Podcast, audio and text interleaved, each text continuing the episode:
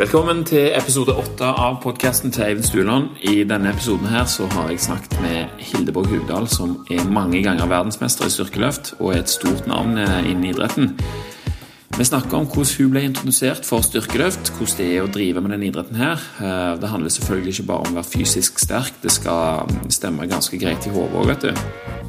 Eh, vi snakker om doping, restitusjon økende popularitet, spesielt hos damer nå eh, i senere tid. Og så har vi til og med rukket å nevne Torkel eh, Ravndal så vidt, for de som vet hvem det er. Eh, på toppen av det hele så har jeg fått oppfylt min ti år gamle drøm om å bli båret av verdens sterkeste dame, og det er ikke rusk. Episoden den er sponsa av Vivo Barefoot og Pure Pharma. Og hvis du ikke har prøvd skoene fra Vivo Barefoot ennå, så anbefaler jeg det på det sterkeste. Veldig lette sko, brede i tåboksen, flate i sålen. Mer enn det ber ikke jeg om, altså. Men uh, kanskje noen til hadde vært fint, men det er jo Five Fingers gode på. Så uh, Vivo Barefoot, det anbefaler jeg på det sterkeste. Hele familien her bruker sånne sko. Pure Pharma det er et kosttilskuddsmerke som bryr seg om å lage det beste for de som er ute etter det. Eh, trener du ekstremt mye eller gjør veldig krevende ting i hverdagen, så kan du ha utbytte av og til fra kroppen, f.eks. mineraler eller vitaminer som gjør det lettere for kroppen å hente seg inn. da. Eh, hvis du ikke kan noen ting om dette, her, så anbefaler jeg at du leser deg opp på enten purefarma.com eller noen andre plasser. Og generelt alltid les deg opp på noe før du bestemmer deg for om det er verdt eh, pengene du skal bruke, bruke på kosttilskudd. For ofte så har du ikke behov. Eh, og andre ganger så virker rett og slett ikke produktene. Eh, så det er jo alltid dumt å hive penger ut av vinduet. Så les deg godt opp, og finn ut om du har behov for dette her. Uansett så får du 10% avslag på alle Vivo Barefoot og Pure Pharma-produkter når du bruker rabattkoden podcasten på vivabrands.no. 10% avslag, altså. Bruk rabattkoden podcasten på vivabrands.no. Men nå over til min samtale med verdens sterkeste dame.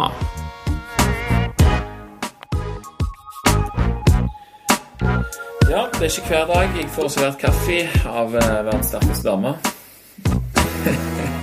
men, eh, men nå sitter jeg iallfall på kjøkkenet til Hildeborg.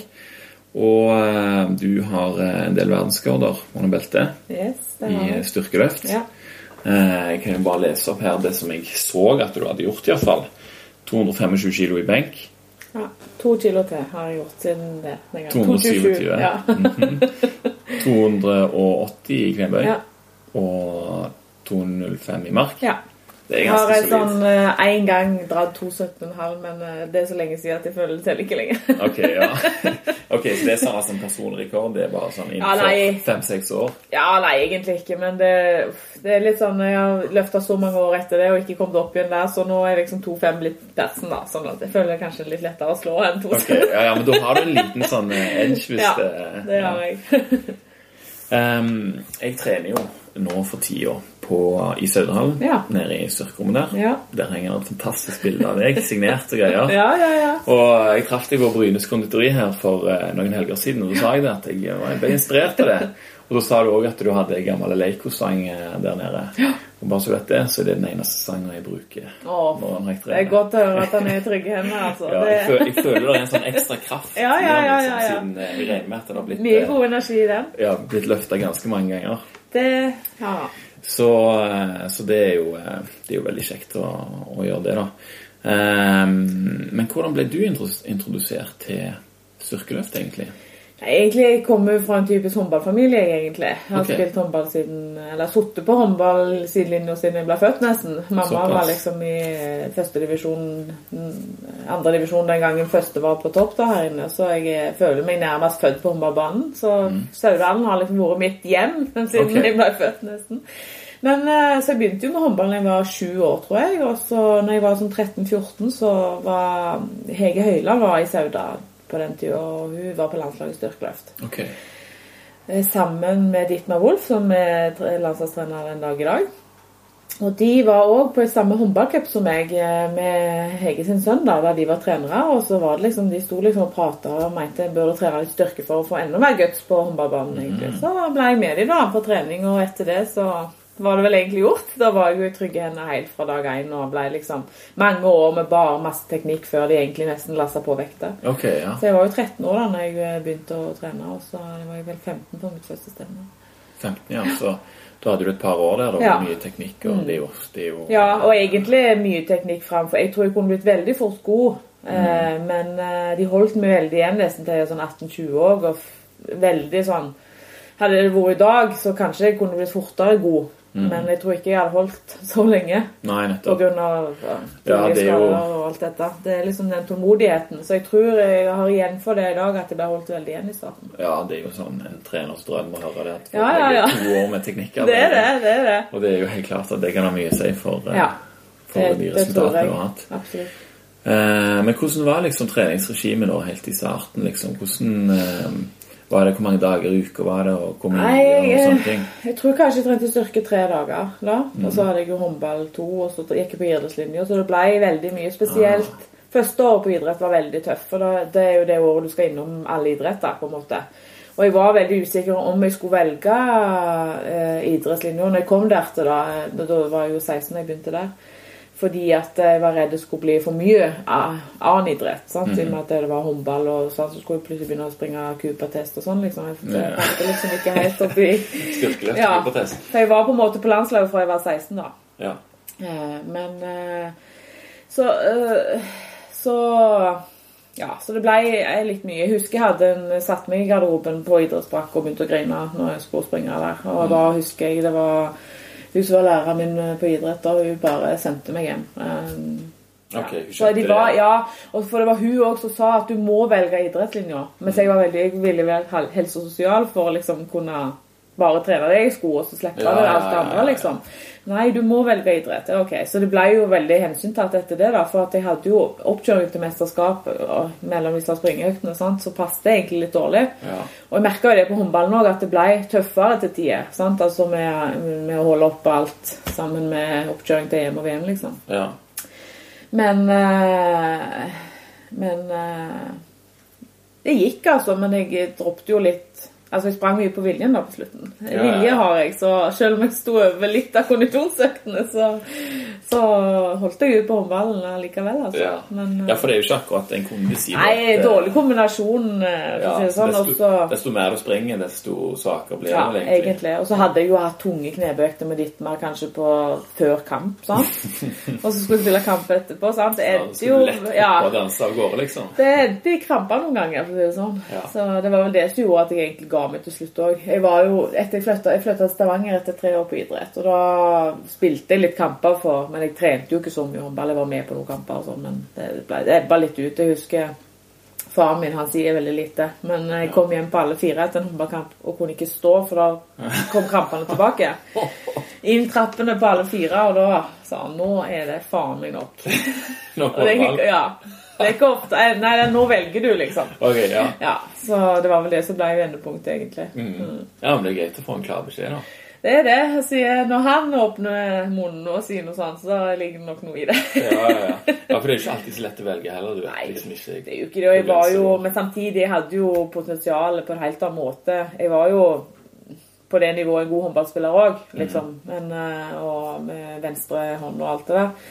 Og var på regionslaget litt og sånn, men jeg hadde jo aldri nådd der som jeg har gjort. Jeg visste jo det at det var jo Styrkeløftet var potensialet mitt, og jeg var jo allerede på landslaget. sant? Sånn at det, det ble naturlig for meg å velge, men jeg liksom håndballen inn i hjertet likevel, liksom. Ja, ja, ja, hvis du er født opp på sidelinja, så, Så, så blir det vel sånn. Nei, så det ble litt, kanskje litt eh, mye til tider da, med først gym, med åtte-ni timer trening med bare gymmen sant, på, på idrett, og så skulle jeg gjerne styrke etter skolen, og så håndball på kvelden noen dager. Så, ja.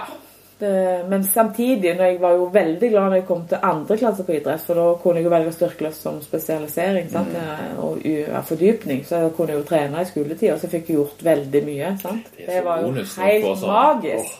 Å gå hjem fra skole og være ferdig trent i tillegg. Liksom. ja, ja, det- Så det var liksom bare å komme gjennom det der første året. Så da skjønte jeg jo hvorfor de ville ha meg der likevel. Ja, ja, ja. jeg kan tenke meg at det, uansett hva idrett du driver med, så er det jo en fordel å få innspill fra mange idretter. Absolutt. absolutt. Det det er styrker for, for alle. Men jeg så jeg var jo hjembu, og, og det var jo på en måte Det var jo Jernbua. Ja, altså. Saudalen. Ja, det er Saudalens styrkerom. ja. Og, og der var jo på en måte de som hadde valgt håndball og fotball og alle de andre idrettene som fordypning, var jo der og skulle liksom trene litt styrke, da. Men Ja, de ja, bevegte seg bare når læreren var innom, sant? De Ja, ja.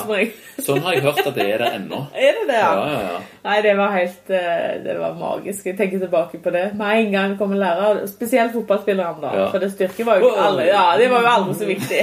Lett å ha litt situps, Ja, ja, så. ja. Nei, Fotballspillere er de verste vedlikeholdsfolka som fins, altså. Det er ikke rart det er mye skader, sier jeg, altså. Det er bare de må gjøre noe annet enn Ja. fotball. Så er det pain. Ja. Ja. Uh, men uh, du sa du begynte når du var 13, og så hadde du første stevne når du var 15. Mm. Og så på landslaget når du var 16. 16. Ja, så gikk det ganske slag Ja, i jeg gjorde det. altså. Jeg, eh, satt, jeg var norgesrekord i benkpress på første stevne som 15-åring. 57,5 kilo.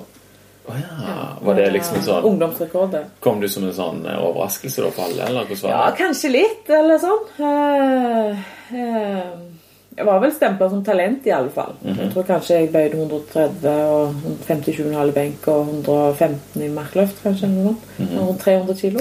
Ja. Så, så jeg har hatt en god progresjon da etter det. på en måte. Det har liksom gått jevnt og trutt helt til du begynner å nå toppen. Da flater det litt ut, og så Ja. går det litt ned, og så går det litt opp. ja. Eller iallfall krever mer, Ja, og så men kommer sant, I begynnelsen vet du, det er jo ikke rart folk elsker den idretten i staten. Det er 30 kilo press, og halleluja, vet du. Det er jo fantastisk. Og nå er det sånn 0,5 kilo eller 2,5 kilo press, som egentlig er minst av det. Det er jo ja, så mye mer arbeid, da. ja. ja. noen år helst. ja. Så Men hvordan var det da første gang du kom på, på et stevne? Åh, jeg var så nervøs. Og jeg har alltid slitt litt med at jeg er nervøs, men jeg var jo på den tida og mange år fram i tid Husker jeg Høyland sa til meg at det var den verste tur for jeg snakket ikke siste uka. Jeg svarte bare ja og nei. Så hvis jeg var på rei, ja, jeg, var, jeg satt i bilen, og, hvis, og no, altså alle de reiste med òg, kunne snakke og tyte i vei, og det var bare ja, nei, mm. Det var det siste uka. Hva tenkte du på, da? Jeg var, jeg var, jeg var alt redd. Redd for å feile, drite meg ut, liksom. bekymra, ja, alt mulig. Og det er jeg en mester i å krisemaksimere. Ah, Til og med nå, altså, for litt siden så snakket jeg med litt mer i telefonen, og så bare sånn Hvor lenge har vi holdt på med dette her, Hildeborg? Nå er 15-16-17 år, det er akkurat likt. Det er alle scenarioer ser jeg for meg på forhånd. ja. Ja. Det er, jo, det er jo en slags styrke òg, det. Ja, da. egentlig. I og med at jeg, jeg lar meg aldri bukke unna av det. Altså, Når jeg kommer på plattingen, så er jeg Jeg må liksom bare komme på plattingen. Men før det, før de siste dagene før, men når jeg er i gang, så, så er jeg sterk i hodet. Men akkurat før så er det bare bryte meg ned og ned og ned, helt til jeg liksom jeg er i gang. Og så Husker vi håndball og hadde snever der, og når fløyta gikk, så var det liksom Men før, så, Ja. Så bare det er, rømme. ja, for det er, eh, det er noe kaller for krisemaksimering. Men du kan jo òg se på det så, på en måte som om du, du forbereder deg på Ja. at det verste som kan skje. Ja. Og det, det kommer jo ikke til å skje. Så, så hvis noe dårlig skjer, liksom, så er du allerede Ja, forberedt det er og det. klar til å takle det. Det er nok det jeg gjør. Altså, det, da har jeg liksom vært gjennom det verste. Så hvis det skjer, så har jeg, jeg er forberedt. Men Ja. jeg, det skjer jo sjelden, for å si det sånn. Ja. ja, Hva er det som kan skje, da? Ryke ut. Altså ryker ut, ja. av stevnet. Eh, Ingen godkjent i et øvelse, f.eks. Det er jo krise. Ja, det er krise. Har det skjedd? En gang. Og det verste, at det skjedde i Markloft. Og det skjer jo alle med folk. Å nei. For det er jo knebøy, enten dybde, det er for tungt. Altså Det er lettere å få underkjent i benk og knebøy. Ja. Markløft, altså Det er bare Det er bare å dra opp. Ja. Altså. Men det var Nå er EM i Finland. Eh, det var helt ny stang, og jeg har aldri vært borti en så grov stang i hele mitt liv. Nei. Det var, og det var, det var det at det løfta før meg òg, skjedde det med. Jeg har jo et problem med mine store lår, at det kan henge litt på toppen. Korte armer og store lår er en dårlig kombinasjon i mark, så det er jo der jeg har min svakhet. Ja. Men altså, den satt litt. Det var Han satt fast. Én centimeter fra toppen. Så sto stanga i låra. Han, liksom, det var for mye Ja, friksjon, ja. rett og slett. på Ja, så, og så, den, og så, prøv, så, så var ikke litt mer med, og det, også, det også var liksom stress. Men for for aldri, det var vel et den, et av de få han ikke har vært til stede, Mm. for han var syk, og så var det liksom, og ny trener, og aldri hjelpte meg, aldri søret med meg, altså alt det der på forhånd. Mm. Og jeg snakket med ham på forhånd, og så husker jeg at han tok telefonen på siste merkelig Altså, bare dra den ut fra de lår, Hildeborg. Bare, altså, jeg, kan jo ikke dra 2-5 i stiftleg. Jeg- Det går jo ikke det. altså, det. Men det var nesten eneste mulighet. Hvis jeg skulle klart det, var å dra stiftleg, og så bare dra stanga ut, og så bare prøve å treffe opp. Men Dra kun med ryggen, Ja, rett og slett. 2,5,5, eller 2,5 var Ja. jo åpningen min, egentlig. Og det som var, var at på oppvarming så dro jeg 95, og den var grei, liksom. Og så, men så sa jeg til henne bare senk for sikkerhets skyld. Skulle ut og senke, så var det for seint. For du må senke inn de to siste minuttene før Ah. skulle du starte. Ja. Så bare Ja, det, det var et dårlig tegn, tenkte jeg, men så bare Verste, det tenker du nok, ja. ja. verste var jo egentlig at jeg hadde dratt 130, så hadde jeg vunnet. Oh, ja. Ja. Det er liksom sånn, Jeg kunne senka bare til 180, så hadde det vært benk. sant? Jeg var så langt foran ja etter bøy ja. og at jeg kunne dra på 130 Men du fikk ikke godkjent? Og så røyk jeg, liksom. Ja, ja. Tre underkjente merkeløft, det er liksom Og alle jeg kjenner har jo et eller annet stevne, men det er en sjeldenhet at de røyker. Og de, jeg løfta sammen med Tor Herman Omland og Heidi Hille da, på samme dag. Og de fikk jo godkjent tredjeløftet sine i merkeløft. Ok, Så det var sånn hårfri. Nei, men det var rett før de røyker Og jeg husker Tor Herman han sto Han strakk halsen opp. Og det spørs om det var sånn om man fikk han egentlig. Så Ja. det var liksom Det var ikke bare meg, men jeg har jo den, den vansken i utgangspunktet med, med stanga inn i låra. Ja. Så jeg må dra litt frampå. Så Men det var helt De fikk jo godkjent akkurat tredjeløft til 2-1, liksom. Ja. Og jeg røyk, så det var jo katastrofe hele opplegget. Og lang tur hjem, da. Det var lang tur hjem. Ja. Ja. Men eh, kan, vi må bare spørre hva merke var det der? Stanga. Ja, Leoco var det. det var det, ja.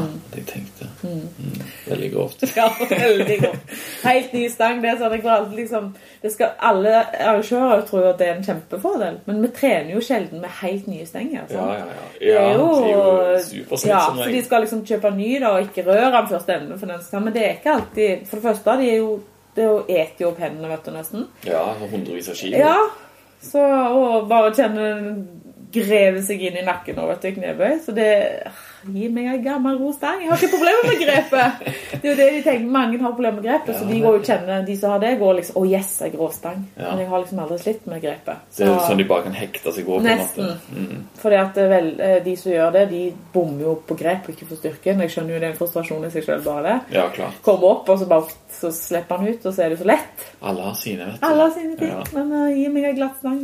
Ja. Da har du en fordel. da er jeg en fordel. Men eh, sånn så, når, når det var en sånn skikkelig tid var dette her? 2009. 2009, ja. Ok, så det er sånn ja, syv år siden. Mm.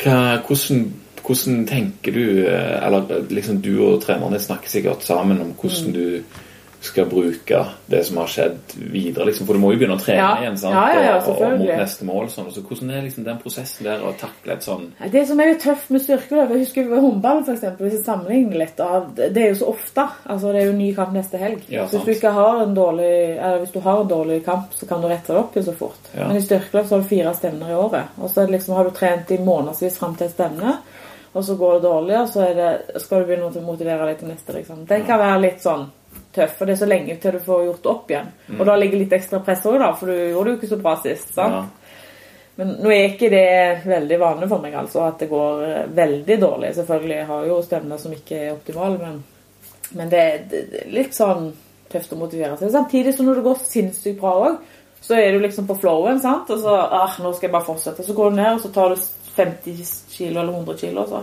herregud, hva skjedde? Jeg benka 227, liksom. Og så er det så vidt Altså. Det kommer en sånn her gang, og jeg lærer det aldri.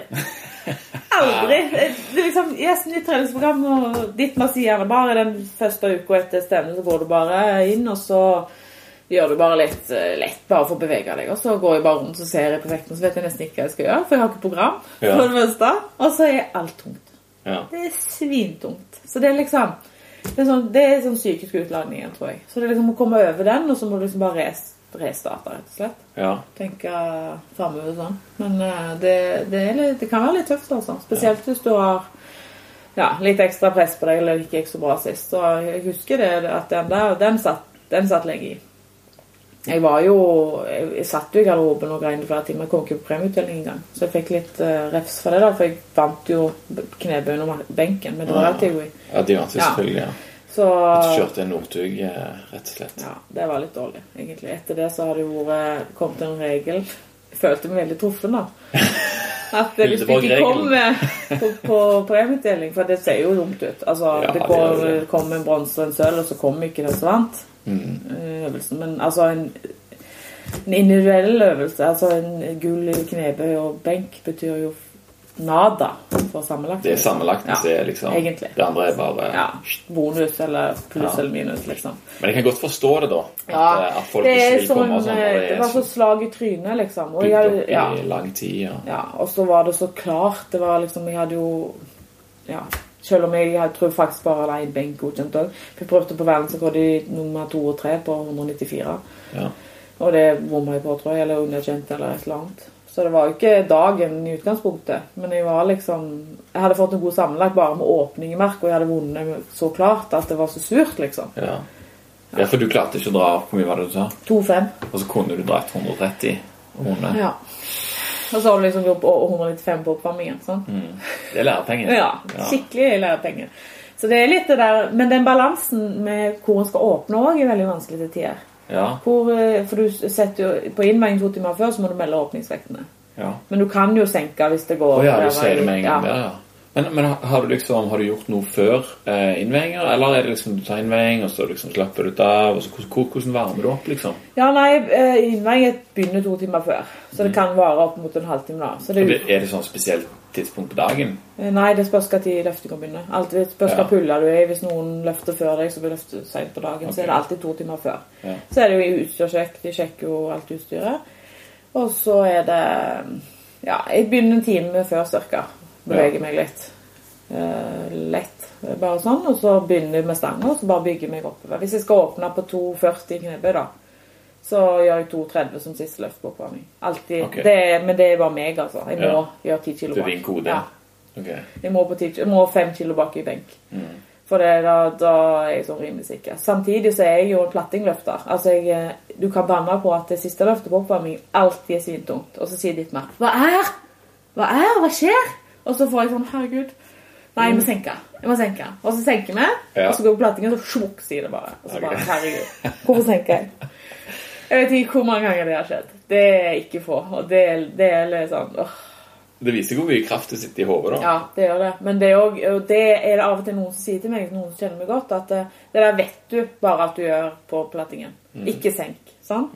Fordi at du taper jo egentlig et halvveis løft. For du har jo bare tre forsøk på plattingen. Ja, nettopp. så enten hvis du senker, så må du gjøre kjempeopp mellom første og andre. Ja. for å komme opp At der det, det, har jeg sett noe. Ja. Jeg kikket litt gjennom litt sånne artikler som Ja. i går. Da sier jeg sånn Å, her, ja. Så, Ja. Først verdensrekord der, så poff, Ja. verdensrekord der. Ja. Liksom. Så ja. Så det er liksom, og, og skal du henge med i sammendraget, så må du jo liksom du, Hvis du må gjøre en høy, stor høyning, da, og underkjent den, så er jo fallhøyden stor igjen. sant? Ja. Så det er derfor liksom, det må være realistiske åpninger, samtidig så du må være litt høy. Det er ikke vits i å åpne bare for å ha godkjent til, liksom. Og så må du høyne 40 kilo for å henge med igjen. ja, selv om det kunne vært Ja. der i Finland en gang. Ja. Det er akkurat der, men eh, det er jo sjelden at jeg har et så stort forsprang, for å si det sånn. Jeg må jo i utgangspunktet ha et forsprang fra bøy og benk, for jeg er så svak i mark. Sant? Ok, så det, så det er benk og som Ja, liksom det sterke sider. Ja, eh, ja, men kan vi ta det litt kjapt? eh, Først må vi bare si hvor, hvor mange eller spørre, hvor mange eh, verdensrekorder har du egentlig? Ja, det var, det var noen som spurte meg om det her eh, sist. Jeg tror faktisk med junior, for jeg satt juniorrekorder òg, 13. 13 verdensrekorder. 13-13 ganger med, med junior, da. Ja. Og det, er det noen av de som står nå? Ja. Eh, benkpressen står 2,27 i styrkeløft. Altså han er jo eh, Han er jo på en måte Du kan sette verdensrekord i singelløft hvis du bare er en ren benker. Den oh, er ja. høyere. Ok, Men Ja. de er på samme stevne som dere? Eh, nei. Det er, det er eget benk-VM og eget benk-VM. Men, men hvis du ikke setter den høyere på et styrkeløft-VM, så får jeg den. Oh, ja. Fordi at eh, det er jo aldri en fordel å gjøre tunge knebøy først, for å si det sånn. Nei, nei. Nei. Men hvis du kan ikke sette styrkeløsrekord på et benk-VM, da har du ikke gjort knebøy først, liksom. Ok, Ja. Så det er knebøy, er det sånn at det er knebøy først? Benkpress og markløft. Ok, ja. ja, for det er de tre øvelsene mm. jeg tenkte bare å understreke. Mm. Ja. De som ikke vet hva, helt hva det er. At det er benkpress, markløft og knebøy. Og hva er liksom hva er liksom sjekkpunktene, eller hva er godkjent på de forskjellige? Ja, det er veldig mye regler. Jeg tror Hvis du er ny på styrkeløftstevne og lurer på hva som er blått og rødt og gult, så er det mye du kan underkjenne på. Men sånn hovedsakelig da, så er det knebøyen i dybden. Altså hvor djupt du er. Altså. Hvor langt ned ja, skal du da? Eh, kne, eh, hofteleddet skal under kneleddet. Ja, Bryte parallellen. Ja. Mm. Under der. Og, eh, og så er det typisk at stanga må gå i én bane. Hvis du har nedbevegelse, så får du underkjent. Å ja, hvis du dabber Ja. Nei, men hvis du er på vei opp, og så får du en liten sånn oh, ja, sånn, ja. nedover. Stang og skal gå i én bane hele veien. Sånn som benkpress òg. ja. Så kan det være at du liksom detter litt ned på ene sida, eller sant. Det er de er veldig strenge på. Det skal være jevn bevegelse hele veien. Ja. Samme i markløft, egentlig. Og det er jo, altså i markløft er det jo egentlig Det er jo en stor ulempe å få nedoverbevegelse i mark.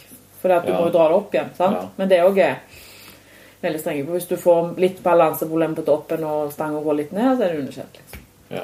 Men markløft er lett å dømme, for det er, han skal opp i Ja. en bane. Og så skal du ikke dra på lårene. Du har ikke lov å liksom Slepe. ja, han opp på låret, Ja. si det sånn. Uh, I benkpress er det jo uh, Det er jo signaler alltid. Start, press og på plass. Mm. Så hvis du begynner Hvis du dabber nede og ikke lar han ligge i ro til dommeren har sagt press, f.eks., oh, så er det ok. underkjent. Ja. Eh, og foten Altså føttene, rumpa og hodet skal nedi. Jeg husker det var eh, i OL i Sydney, tror jeg, at det var noe eh, styr om, i benkpress om eh, innleggssåler. At du hadde lov å ha fem centimeter eh, såle, men Ja. så var det en som hadde lagt fem centimeter innersåle Ah, okay. i tillegg. Han var norsk, faktisk. Og fikk, ble diska og kasta ut. OK. Vet ikke om det var på benkpress eller om det var styrkeløft. Nei, eh, det kan, kan det være ve- ve- vektløfting, eller? Nei. Jo, det Nei, jeg, var sikker på det var benk. Det kan være det var vektløfting, forresten. Men det er jo fordelig benk og høye hæler, for å si det sånn. Ja, for da kan du trykke ja, mer ned, sant? Ja, og så får du jo et bedre spenn, Ja. egentlig. Mm. Så det er fem centimeter som er maks. ja.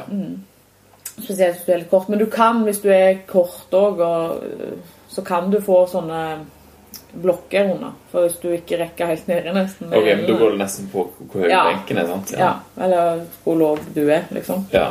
Hvis du er veldig kortvokst, så er det noen som bruker blokker. Ja. Er det en stor fordel å være kort? Både ja og nei. altså Selvfølgelig, noen er jo bare skapt for det i vinkler. sant? Altså, jeg, jeg har jo fordel jeg i knebøy og, mark og benk, fordi at jeg har korte armer og kort løftevei i benk. Men eh, det straffer meg med merkeløft, ja. Sant? Eh, De gode markerne er som regel lange armer, sant? for de retter jo ut rett over knærne nesten. sant? Ja. Jeg må liksom helt opp med stanga. Det er sånn lange armer. Ja.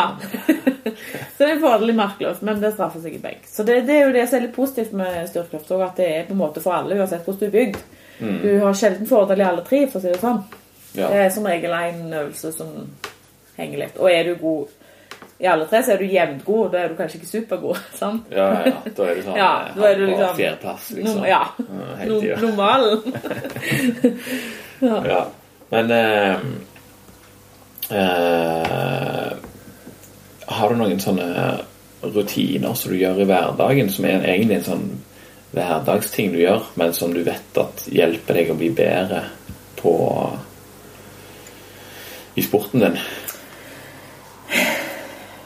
Jeg er ute til litt sånne Jeg er veldig interessert i sånne mm, liksom hva, hva, hva er det du gjør allerede, liksom? Så du kan spe på med til trening. Sånn som for eksempel hvis jeg vil, eh, hvis jeg vil ha bedre balanse, det, det holder jeg på med nå for tida. Mm. Så hjemme i dusjen så Barbro hun vil at de skal nale alltid når de har dusja. Ja. Så jeg sånn, ok, da kan jeg godt gjøre det. Men eh, hvis jeg skal gjøre det, så kan jeg liksom prøve å stå på én fot Ja. mens jeg gjør det. Ja? Så gjør jeg det mens jeg står på én fot. Og du kjenner jo det er jo veldig bra trening. Sant? Så hopper jeg ut, og så fortsetter jeg å stå på én fot mens jeg tørker meg. da. Ja. Så det er spesielt utfordrende skal tørke foran ansiktet. Sant? Å sånn. Sånne ting liker jeg veldig godt. Så jeg lurer på sånn, om du har noen sånne Nei, Jeg har egentlig veldig lite. Jeg har jo sliter mye med bekkenet da, med skader. sant? Mm -hmm. og det er litt sånn Jeg prøver å la det til være en tanke hver gang jeg løfter opp Lilla, f.eks. At jeg skal fokusere og holde bekkenet sånn som jeg bør. Ja. For jeg det- dette tilbake, jeg er veldig svei i kostryggen, og så detter jeg tilbake på det. For jeg er veldig sterk bak, og så er jeg veldig svak i magen. i hvert fall nå etter to graviditeter. Mhm. Så vet jeg at jeg, jeg skal tenke på det når jeg reiser meg, når jeg bærer hun fra gulvet, når jeg tar noe, sånne ting. Så jeg prøver, men det er ikke lett. Nei, det er ikke det. For jeg er ikke helt liksom på den. Nei. Men det er liksom noe jeg jobber med nå for tida. Ja. Det er fordi at jeg Og så kom jeg på det når jeg har smerter. Sant? Ja, da blir du midt på ja, det, ja. Da er jeg minnet på det. Men uh, Trikset er jo å lure seg til å finne sånne andre måter. det er det. Det er det. Men det, å, så er det ofte da at jeg ikke kjenner det før det er for seint. Ja, det var det jeg skulle, ja, skulle holde sånn. Og bare sånn enkelt som jeg bærer bærer på sånn og sånn òg, at jeg ikke Og trille vogn. Sant? Da blir jeg hengende. Det er sånn typisk. Egentlig så skulle jeg gått litt, ja, liksom sånn, ja. Om jeg skulle gått egentlig ved siden av vogna, sånn at jeg var nødt til å tippe bekkenet. Og, Men det er så tungt, Ja. vet du. ja, for det er, det er noe tull det der Ja. å gå med vogn. Det er jo ikke optimalt. Nei, det er ikke det. Skulle alltid Og, ja, opp på skuldrene. Det hadde vært greiest å få liksom rett ned. Ja, nei, det er ikke en god stilling. Og jeg merker spesielt i oppoverbakke. For da blir det bare verre og verre. Og så. Du kan jo tenke deg sånn som de som har bedre sjal, vet du, så, så de fester foran på hodet. Mm. Ja. De blir jo knallsterke, liksom. Kraften ja, går rett ned i kroppen, og alle beina er stabla på Ja. hverandre. For det er absolutt svakheten min. At jeg er veldig sterk i senter.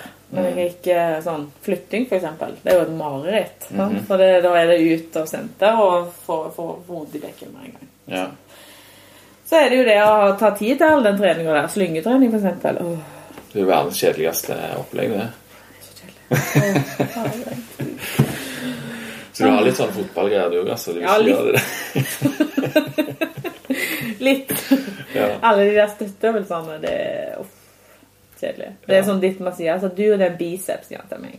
Mm. For jeg tror kanskje jeg er en av de få som trener på samme vekt eh, biceps jeg gjorde da jeg var 13, liksom. Oh, ja. For det står i programmet 5 ganger 10, og det står ikke hvor mange kilo. Å nei. Så det er bare å gjøre det sånn jeg kan. Mm. Nesten sånn kastekopp. Ja, litt sånn.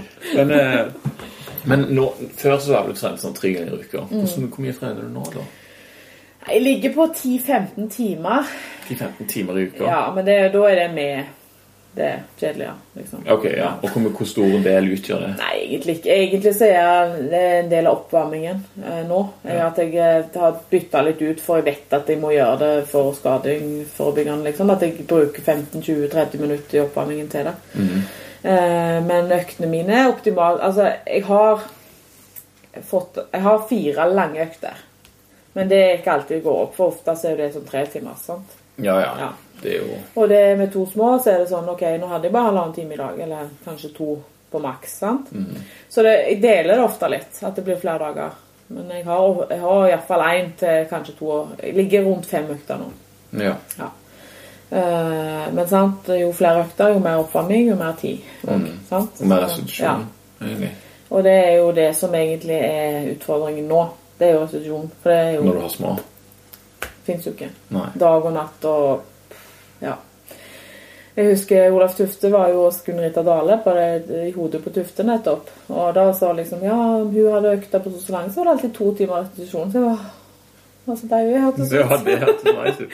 Ja, for her er det hjem, og så er det kanskje rekke en maskin med klær før hun liksom kommer tilbake. Eller mamma hjelper jo mye med hun da. Så jeg har jeg kjører jeg, Nå har jeg morgenøkter. Jeg syns det er perfekt. For jeg kan ikke trene mye folk, for det går for seint. Jeg må trene to økter nei, to øvelser samtidig. Knebøy og benk i lag, eller benk og mark. Eller, for at det skal gå fort. Og hvis det er mye folk, så ja, Du vet bare jo hvor det ikke er mye folk. Ja, jeg, jeg vet det. Men, ja. men det er så dårlig benk der, vet du. Er det ja? ja? Med feil høyde, både i, opp fra gulvet og opp, og, Ah, og eh, her. Enten for lågt eller for, eller for langt. ja, ok. Ja, det har jo Og så er bredden på, bredden på puta feil. Ok. Så må jeg eventuelt investere i en ny benk der. Ja. For eh, marken kan dundre så mye du vil der, og knebøyen går jo greit i stativet. Men, Ja. eh, men det er den benken som er liksom radere. Ja. Så Nei, så er det litt det. Men nå driver jeg og bygger meg litt opp når jeg skal flytte nå, til å få meg trening hjemme. Å ja, du skal det, ja. Ja, Jeg har det sjøl i garasjen, Ja. men det, det, er litt kjekt å trene litt annet. altså. Det er det, men jeg er nødt Altså, jeg er alene med de to når jeg begynner å jobbe, så er jeg jo nødt til å trene når de har lagt seg mye. Ja, det er det. Ja. Og da kan jeg ikke ha barnevakt alle Nei, nei, Det klart det. ikke. Fem dager i uka, liksom. Det går. Det går ikke. Så jeg tenker et par økter med være litt sosial, og så må jeg gjøre resten hjemme sikkert. Ja. Og så må jeg jo spare tunga til jeg er i byen og sånn, for jeg har jo ingen til å liksom, hjelpe meg med de skikkelig tunge øktene her inne. Det ingen Ja. som liksom klarer å løfte 200 til meg, eksempel. Jeg skulle til å tilby meg men plutselig Så jeg må bygge opp et eller annet. Jeg må få til noe. Det er masse, masse løse tråder ennå her inne. Ja, ja, ja. Men jeg, jeg, jeg er motivert til å få det til. mm. Ja, for du er det liksom, i tillegg. Ja. Mm. Så det er jo veldig låst sånn sett. sant? Altså, jeg har liksom ikke Ja, jeg jobbet i turnus en periode før jeg begynte som lærer, og det var jo ganske herlig. og Jeg liker best å trene på morgenen. Jeg er Ja. Er du en morgenperson i tillegg, eller? Jeg har blitt det til jeg fikk unger. Okay. Fordi jeg har vært oppe halv fem-fem i årevis. Ja, ja, Jeg er ikke så gal nå, men, men eh, jeg føler det da jeg har mest på kvelden, er helt ferdig. Rett og slett. Så jeg er veldig spent. Ja, kan du stå trent morgenen. Ja, ja, men generelt da med unger når de er i seng, så er det liksom bare åh, nå har jeg jo drevet og lagt meg med, med de på kveldene i 98 år. Ja, ja, ja. Hun lille ble først født iallfall, så ja vi begynner liksom akkurat å komme over den der er ja. litt mer energi nå. Det er så Jeg har begynt å glede meg til hun blir fire. Sånn som Ja. neste. Det er noen år til ennå.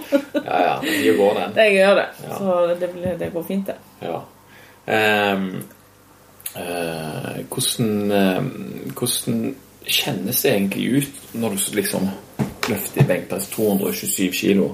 Hva, hva er liksom den følelsen, og hva tenker du når du, har, når du får noen på strake armer? der, det er jo det liksom som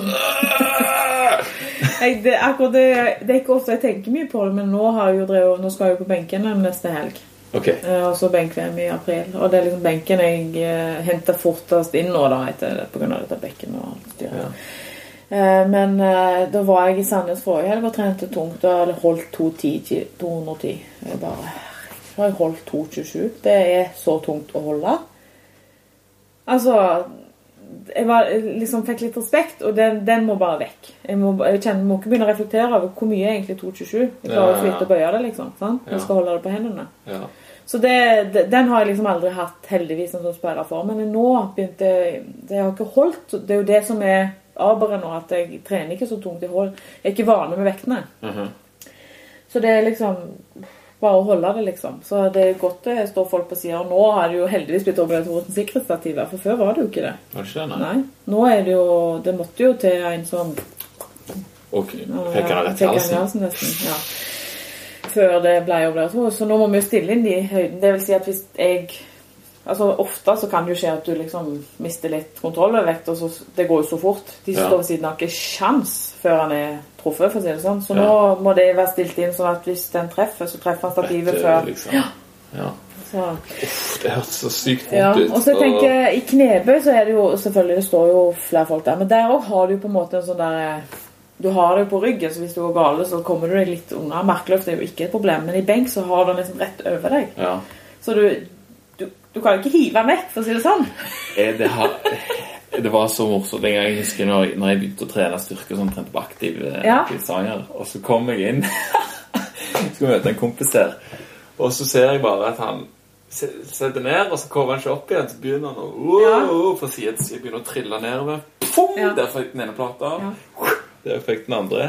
Men det har jeg gjort i Hjembu når jeg trente mye alene. Ja, det- ja, ja. Så har jeg aldri trent med låser, heldigvis. For du, det hjelper jo ikke å begynne å hoie inni der, liksom. For det er jo ingen som hører hører der er det, det er ikke dekning engang. Nei, det er ikke det. Jeg har alltid hatt mobilen utenfor bilen på kanten. Men uh, på somrene var det jo ikke folk i bygget heller. Så jeg Nei. låste meg jo inn og låste døra, og så gikk jeg inn. Sant? Og trente alene. Så jeg hadde jo eh, en gang det skjedde, at jeg måtte vippe Ja. av på sidene. har du god teknikk på det? Ja, nå har du sikkerhetsstativen, da, så det går på en måte greit. Men eh, Og en gang jeg eh, lo for meg selv, bestilte noen sånne klosser nå til benken. Sant? Og avhengig av at noen må holde kloss hvis du skal trene smal til kloss eller et eller annet. Men før da i jernbua så trente jeg alltid med sånn vannflaske.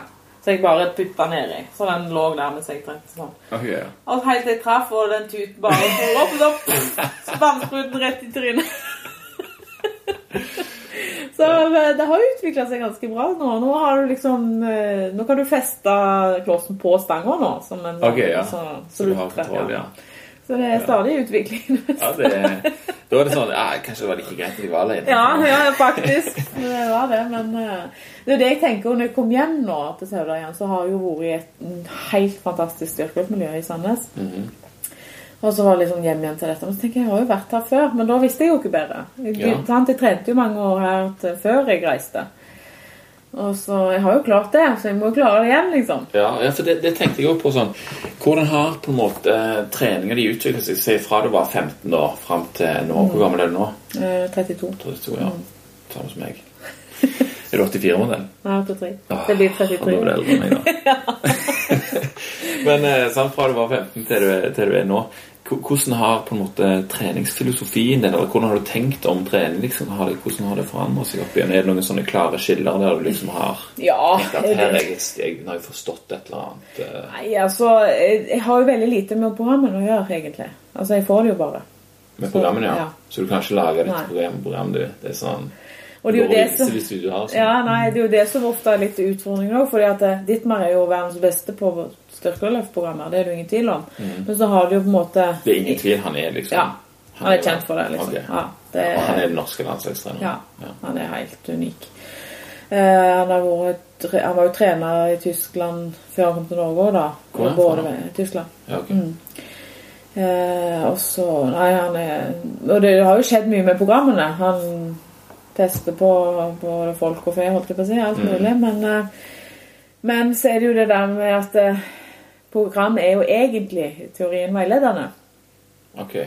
Men jeg er jo sånn som ikke sover hvis jeg tok en rep for lite. ok. Sant? Ja.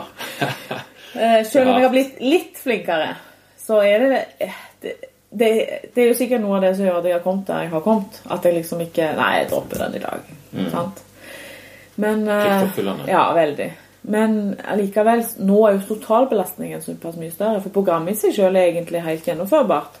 Men med bruddsøvn hele nettene og un altså, unger hele dag Det er liksom, det er kun på treningen jeg er meg sjøl. Og føler jeg har hendene fri og puster litt, liksom. ja. Så er det det som blir utfordringen. At restitusjon restitusjonen og søvnen og alt er, er liksom ikke der det var. Altså Ja. Før kunne jeg bare legge meg ned og hvile hvis jeg ville. Eller slenge meg på sofaen. kom vekk, jeg er verdensmester. Ja, snakke, sant? Eller bare legge opp trening når jeg ville. Mens nå må jeg jo legge opp treninga til når jeg har barnevakt, og han er i barnehagen, og ja, mamma ikke jobber. sant? Altså Jeg må bare trene når det passer, ikke når det passer for kropp og sjel, liksom. Ja.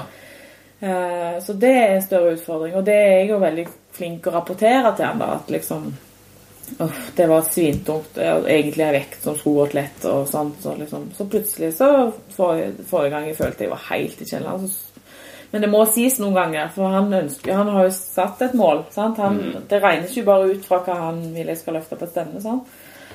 Ja, han bare setter stevnevekta, og så regner Eh, Ja, tilbake i tid? det regner seg tilbake, men så må han, gjør han jo endringer i forhold til Det er jo en del øvelser jeg har problemer med å gjøre pga. vondt her og vondt der. Sant? Så han må liksom bytte ut og sånn. da. Og så er det jo det at han prøver å finne øvelser her inne nå som jeg kan trene som jeg har like god effekt av med å trene lettere. F.eks.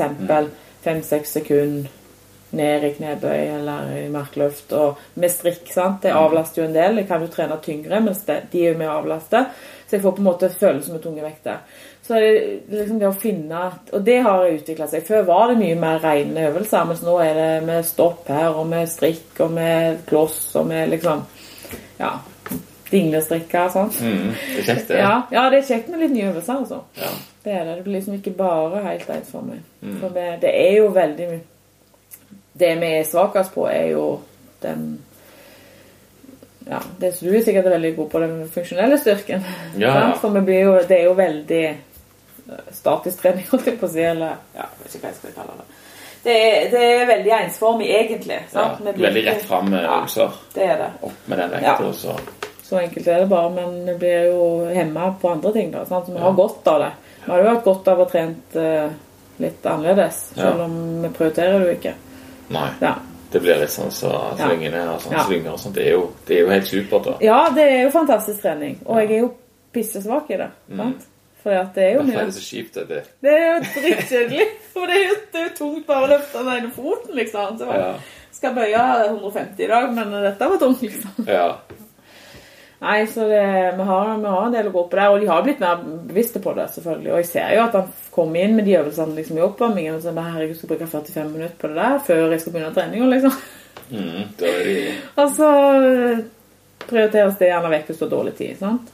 Ja, selvfølgelig. Det gjør det jo. Mm. Det er jo ingen tvil om. Samtidig som det straffer seg jo igjen. Ja. Ja. ja eh, du, du sier du sliter med bekken og sånn. Det er i forbindelse med fødsler, eller er det en sånn typisk skade i styrkeløft? Det en ty jeg ser det i flere og flere jenter, fordi at uh, det blir uh, For å si det på en uh, kort måte, da, så er det det blir veldig stor forskjell mellom svak og sterk muskulatur. Er hovedmuskulatur og kjernemuskulaturen. Veldig stor sprik mellom. sant?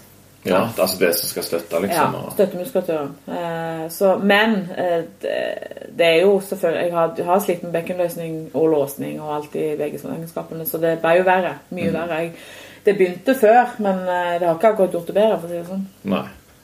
Så så er det liksom det, leddene og alt. Det får belastning, vet du. Så, Ja, ja, klart det. Det er klart. Hva, er det noen ting liksom sånn så du bør tenke på hvis du skal begynne med dette? her, liksom, Er det noen ting du kan gjøre helt fra begynnelsen av som vil sikre en mye mer sånn skadefri eh, opp- oppvekst? Ja, det er jo det er jo teknikk først og fremst, Mm. eh, i selvfølgelig øvelsene. Men så er det det å trene Alltid trene mage og rygg til oppvarming, f.eks. For det er liksom korsettet i alle øvelser. Mm. Du skal på en måte Det som skal sette både knebøy og markløfter. Selv om vi bruker belte, så er jo den muskulaturen skal jo påkobles, for å si det sånn. Ja, Så det er liksom å være bevisst på det, varme godt opp, og så trene med støttemuskulatur. ja. Ja. Og du, du sier med, med at du ser det flere jenter nå, men det, det som er litt kult, er jo at styrkeløft har blitt en ganske populær sport også, blant vanvittig. eh, jenter. Det har liksom Ja, det, jeg vet ikke hva som har skjedd. Altså, jeg har reist eh, sikkert fra jeg var 16 til jeg var pff, ut i junioralder, 23 og vel så det. Eh, alene med gutta nesten. mm, Og nå er vi like mange på landslaget jenter som gutter. Og det er opptil fire-fem VM-kvalifiserte i mange av vektklassene. Og så kan de bare sendes to. Oh, ja. Og så er det sinnssykt mange som er ute presser på landslagsplassen. Nå er det sånn der, eh, De drevne da blir liksom «Å, det er Smårips som driver og ypper her. Vi må bare vise hvem som kjøper, liksom. Nei, det, det, det har skjedd noe helt vanvittig. Så nå er det liksom litt konkurranse på Ja, for før så var det alltid problem å få nok jenter til kongepokalen på NM, f.eks. Mm. Altså må være 15 jenter. Det må det jo i alle idretter eh, for at det skal deles ut kongepokal. Og det var liksom, Hvis det var 14, så var det alltid fikk meg en eller annen som bare kunne løfte 25-25-25 liksom, for å få dele ut Å ja. ja. Og nå er én hel dag på NM bare jente dameløfting. Kult. I fjor var det liksom hele lørdagen. Det var ikke en mann som løfta den dagen. liksom. Ja. Og det er én av tre dager, liksom. Så det, det har eksplodert. Ja, jeg ser det samme på vektløfting òg. Ja. Det er veldig ja, det Og egentlig det, Styrkeløft har jo vokst enormt generelt og på herresida òg, altså. Ja. Eh, så vi er jo egentlig mye større i Norge enn vektløfting. Selv om vektløfting er jo en idrett som på verdensbasis er mye større, fordi Ja. at det er OL-grein, og det er ikke styrkeløft. Å nei, er det ikke det, nei? Nei, så du har ikke OL-medalje? Det er det verste jeg har hørt. Ja, det Er det noe på gang der, da? Nei, det er dårlig. Altså Det er jo De sliter jo med vektløfterne og mye positive prøver. Med vektløfting, ja. Mm. Så jeg tror jo ikke de vil ha inn et problem til, for å si det sånn. Nei, er det jo et stort problem i Ja, det er, det er en utfordring, for å si det rett ut. Det har det vært i alle herrens år. Ja. Og det, kan, det er bedre. Mye bedre nå enn når jeg begynte, f.eks. ja. Men uh, Russland, Ukraina ja, jeg så det, at det var sånn stevne, plutselig var det ingen Ja. liksom. Ingen. Altså 70 påmeldt og 70 til start, nei, 7 til start, liksom.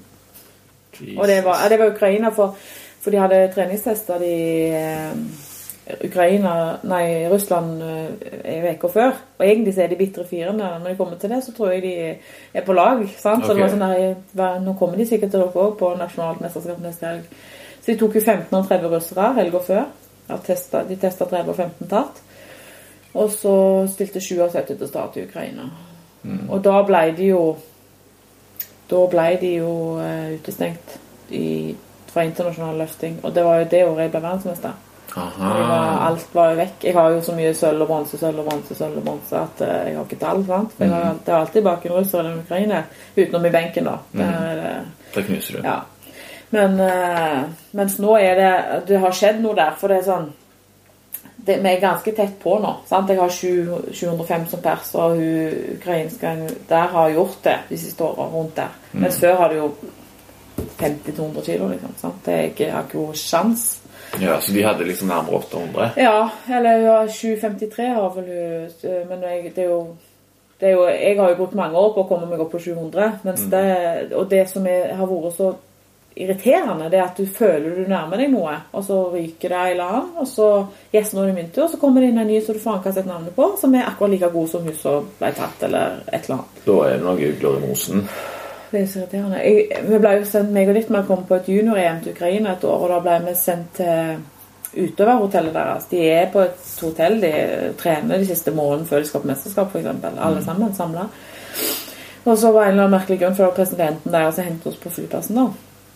Komme der til, og da var det Jeg husker at jeg trodde det var mannen som sto bak meg, så snakket jeg i en trapp, og så snur jeg meg og ser midt inn i et kvinnefolk. Jeg bare Jesus!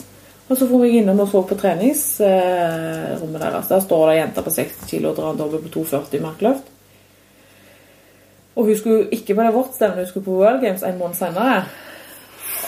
Og så hun bare Jeg tror kanskje hun dro 2.15-2.20 da, den måneden senere. For da var hun sikkert på topp da, før hun måtte slutte på Å ja, selvfølgelig, ja.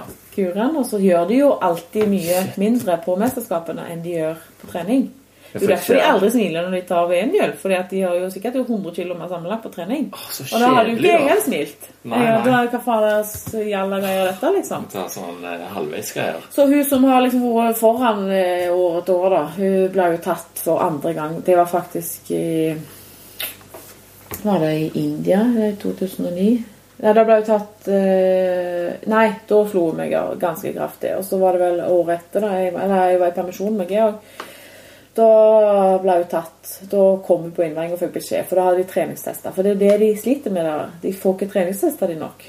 Sant? Altså, de vet jo at de blir testa på mesterskap, og de vet jo også når de skal Slutte. ja, og de blir testa før de reiser, for de sender det ikke. Hvis de er påmeldt og ikke går gjennom, så sender de det ikke lenger. Nei. Så det, det, det faktisk vokst fram en taktikk på det, ja, det er det. det helt Og så er det jo det at eh, naboen pisser. Det er jo så korrupt der borte at eh, Mm. Altså i går, hvis jeg eh, Det kom jo her i går til meg. Tenkte på her klokka åtte og skulle komme fra Stavanger for å ta blodurin. Mm. Og du står og rører i grøten. Ja, ja, litt sånn akkurat hvor i seng. Ja? Og det verste var jo at jeg hadde jo glemt å melde flytting fra Kongsveien. Å ja, så de kom der ned? Nei, ja, de kom først til Kongsveien, så hadde de bare ringt på til naboen. Så hadde hun lett i telefonkatalogen etter adressen. Ja, for det fins lov- faktisk gjennom telefonkatalogen. Ja, det, Det- tydeligvis. Ja. Og de hadde jo ikke lov, ikke lov å ringe nå Å nei. på våren. Så før når jeg bodde i Sauda, så ringte de. Vi kjører fra Stavanger, du må møte opp Saudalen klokka sånn til test. Ja. Men nå må de komme uanmeldt, for sikkert noe som går an å gjøre. Jeg vet ikke, jeg. Jeg ja, Ja. på det. Men eh, Det er Maradona-trikset. så ble de sendt til bestemor mi på Ruster. Ja. Og hun, de kunne jo ikke si hvem de var, så hun ble jo sikkert helt sånn Jeg kan når Hun ringte til mamma, vet du. Og så hadde de beskjed at de ikke skulle ringe til meg. sant? Og så kom de nå her, da, og så ringte mamma. 'Har du besøk?' Ja, sier det Antidop i Norge. Å ja, ok. Jeg har vært hos beste og var stressa, Det var Kripos og et eller annet eh, galt på gang her. Åh, så. Nei, så det er jo det jeg skulle ønske det var mer av. Eh, for de er veldig flinke i Norge. Eh, men eh, det er helt eh, ja, De sa det til meg i Antidope Norge. Og det er sånn hvis de kommer, Vard eller noen kommer for å treningsteste russere, så kommer de jo ikke inn. Hvis vi kommer på flyplassen og sier hva de skal, så slipper de ikke inn. Ingen som vil bli testa. Ah, nei, det er det er kjipt, altså, når du vet at de andre er helt jokere. Når de altså. liksom ikke er i tvil engang. Jeg husker en av våre Når du hører stemmen og ser den barten, så er det liksom Og jeg husker også det var en av våre gutter som hadde snakket med en polakk over da, på, et, på en bankett en gang. Og han mente jeg ikke kan benke over 140 uten å bruke noe, liksom. 140. Og da tenker jeg bare Hva vet du om trening, egentlig? Det har til og med jeg tatt. Ja, sant? Ja. Nei, så det, det ligger jo noe Jeg tror de tror at verden er sånn. Ja. Og jeg, på en, jeg kan aldri si at jeg vil forstå det, men for de så handler det jo om For meg så Altså Det er jo en helt annen kultur. Og for de så handler det om tak over hodet. Ja, for de begynner jo sånn du, eh, Du får en leilighet og en bil, liksom, og så er de sett for life. Det er jo mye mer mer Så de tar jo bare det de får beskjed om å ta. Ja, du vinner, du, så går du rett, rett tilbake. og- Rett på jobb på mandag. Ja, her er du. Hallo! Er det sånn du tar på deg medaljen når du går på jobb? sånn? Nei, Nei. ikke? Nei. Aldri. Nei. Har ikke vist den til de som du er lærer for? Og, Ja, det er noe jeg har hatt den med til de noen elever som har spurt om jeg kan ta med av og til. Ok. Ja, men jeg går ikke akkurat da. Men det er sånn der jeg kommer hjem med båten klokka tolv, og så er det å jobbe, liksom. Og jeg må være for klar forberedt til mandag, liksom. Det, that's life. Det er livet til en eh, verdensmester, toppidrettsutøver. Ja. Så Nei da. Men eh, det er masse det, det er verdt Det er et fantastisk miljø, vet du. Og det er jo det jeg savner nå. Jeg føler liksom at det, det eneste plassen jeg er Hildeborg for tida, er liksom litt på trening for meg sjøl. Så gleder jeg meg så enormt til å ligge i hotellseng med beina opp. og Restituere. ja, og så er det sånn der Før var jo stevnet var jo liksom Å, jeg gruer meg sånn, det var jo sånn belastning. Men nå er det jo det faen meg sånn akkurat som å være på ferie. Det er herlig, da. Ja, det er helt nydelig. Ja. Det er jo, jeg får jo selvfølgelig dagen før og stevne og sånn, men bare det å liksom reise og ikke Nett der og Nei, jeg gleder meg til Få den der friheten til Ja, å ta vare på på deg sjøl, Ja. liksom. Både deg sjøl og idrettsutøveren. altså så er miljøet helt unikt, så det er så kjekt å være på tur, vet du. Ja. Det helt enormt, så det skal bli gøy igjen. ja, hvordan unikt da? Er det liksom alle det er Ja, det er stor happy family? Ja. Uansett, det, altså, det er jo individuell idrett og egentlig konkurranse selv, selv om internasjonalt så er vi jo som regel i ulike vektklasser og sånn. Men på NM òg så opplever jeg jo liksom at når du er på vei ut, uansett om du konkurrerer mot noen, så er det liksom Kom igjen nå! Sånn. Du, det er ljome. Mm. Det er liksom Du føler liksom ikke at eh, ja, så, Selv om du tenker det av og til, da. Ja, ja, ja. Men, allikevel, det Du er glad på andre sine Ja, veldig. Ja. Og det er ganske unikt, for det er mange, der har mange toppidrettsutøvere mye å lære, Mm. syns jeg. da. At, uh, det, at det å glede seg på andre sine vegne, selv om du selv er skada f.eks., eller Mm. du er vekke sant? for et eller annet. Ja. Ja, for uh, altså det, som er, det som er litt dumt, er at det, det er veldig mange som driver med idrett når de er sånn uh, ungdommer, kan du si. Ja. Og så liksom når du blir sånn 17, Ja. så slutter du, liksom. Men jeg føler denne modenheten som du får der du, der du virkelig får eh, evnen til å glede deg på andre sine Ja. den kommer jo litt seinere. Gjør det, han gjør det. Så du er liksom ikke kommet der før Nei. du gir deg. da er det bare liksom Jeg skal Ja. vinne, alt er hvis ikke, Ja. liksom. Men Ja. så senere så har du den evnen. Men da er det liksom Det er jo veldig få som er del av et, eh, et sånn et så miljø der det liksom Mm. er noe du skal gjøre, da, eller prestere. Der folk backer deg opp. Det er selvfølgelig på jobb og sånt. Ja, ja, ja. Eh, jeg var crossfit-trener, liksom, hvor, hvor sykt mange folk som bare lyste opp liksom endelig, for de har ikke hatt noe særlig sosialt Nei. egentlig fra de var 16 år og sluttet på fotball, og så Ja. ble de tilbake liksom og sitte og snakke etterpå og ha liksom et, eh, et sosialt liv rundt, rundt noe, liksom. Ja, Så- nei, det har mye å si, altså. Absolutt. Det, det er kjekt. Det er det. Mm. Eh, jeg skal bare ta en liten kikk her.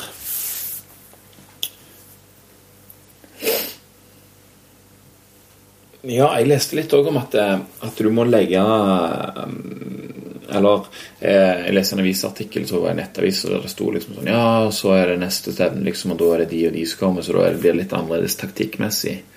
Hvordan foregår eh, taktikktenking og sånt i forhold til styrkeløft? Er det, er det sånn at ok, nå skal jeg fokusere mer på knebøy, liksom, eller er det Nei, altså det er jo Det er jo mye taktikk. Eh, mye mer enn hva folk kan, liksom. Og det, hver en høyning er jo egentlig tenkt taktikk. sant? Ok, ja. Fordi at For det første så handler det jo om eh, Vi får jo sånn startnummer. Eh, sånn at hvis jeg har et lavere startnummer enn ei som jeg konkurrerer mot, så løfter hun etter meg. Ok. Hvis vi er på samme vekt, f.eks. Ja. Så det kan jo være jeg må presse sånn at jeg måte må komme etter. For hun, Hvis jeg løfter først, så melder jeg neste høyning. Så treneren deres kan jo se hva høyningen min er. sant? Ah, ja. Så, og det handler jo om individuelle medaljer. sant? Sånn så i, eh, Hvis du er på i Merkeløv, f.eks., da er det jo slutten av stevnet. Da kan du endre siste vekta de to ganger. Ok. Eh, men det hjelper jo ikke meg, for jeg er ikke svak, svak i mark, så de andre løfter jo mer enn meg uansett. Det er derfor jeg sier jeg må rase fra meg i de to første og ha litt å gå på. Ja. Fordi at eh, hvis jeg løfter 200, da, sant? og de kommer er uansett etter meg, så kan Nei. Men de kan løfte på meg, hvis du forstår. Altså, Ja. De kan bare løfte på min vekt. Enten så er det jo hvis de, de kan løfte like mye som meg hvis jeg er tyngre, eller de må to og en halv opp hvis de er litt tyngre, f.eks. Eh, og så er det det at eh, den som løfter vekta først, tar medalje hvis det er en medalje, hvis du løfter det samme.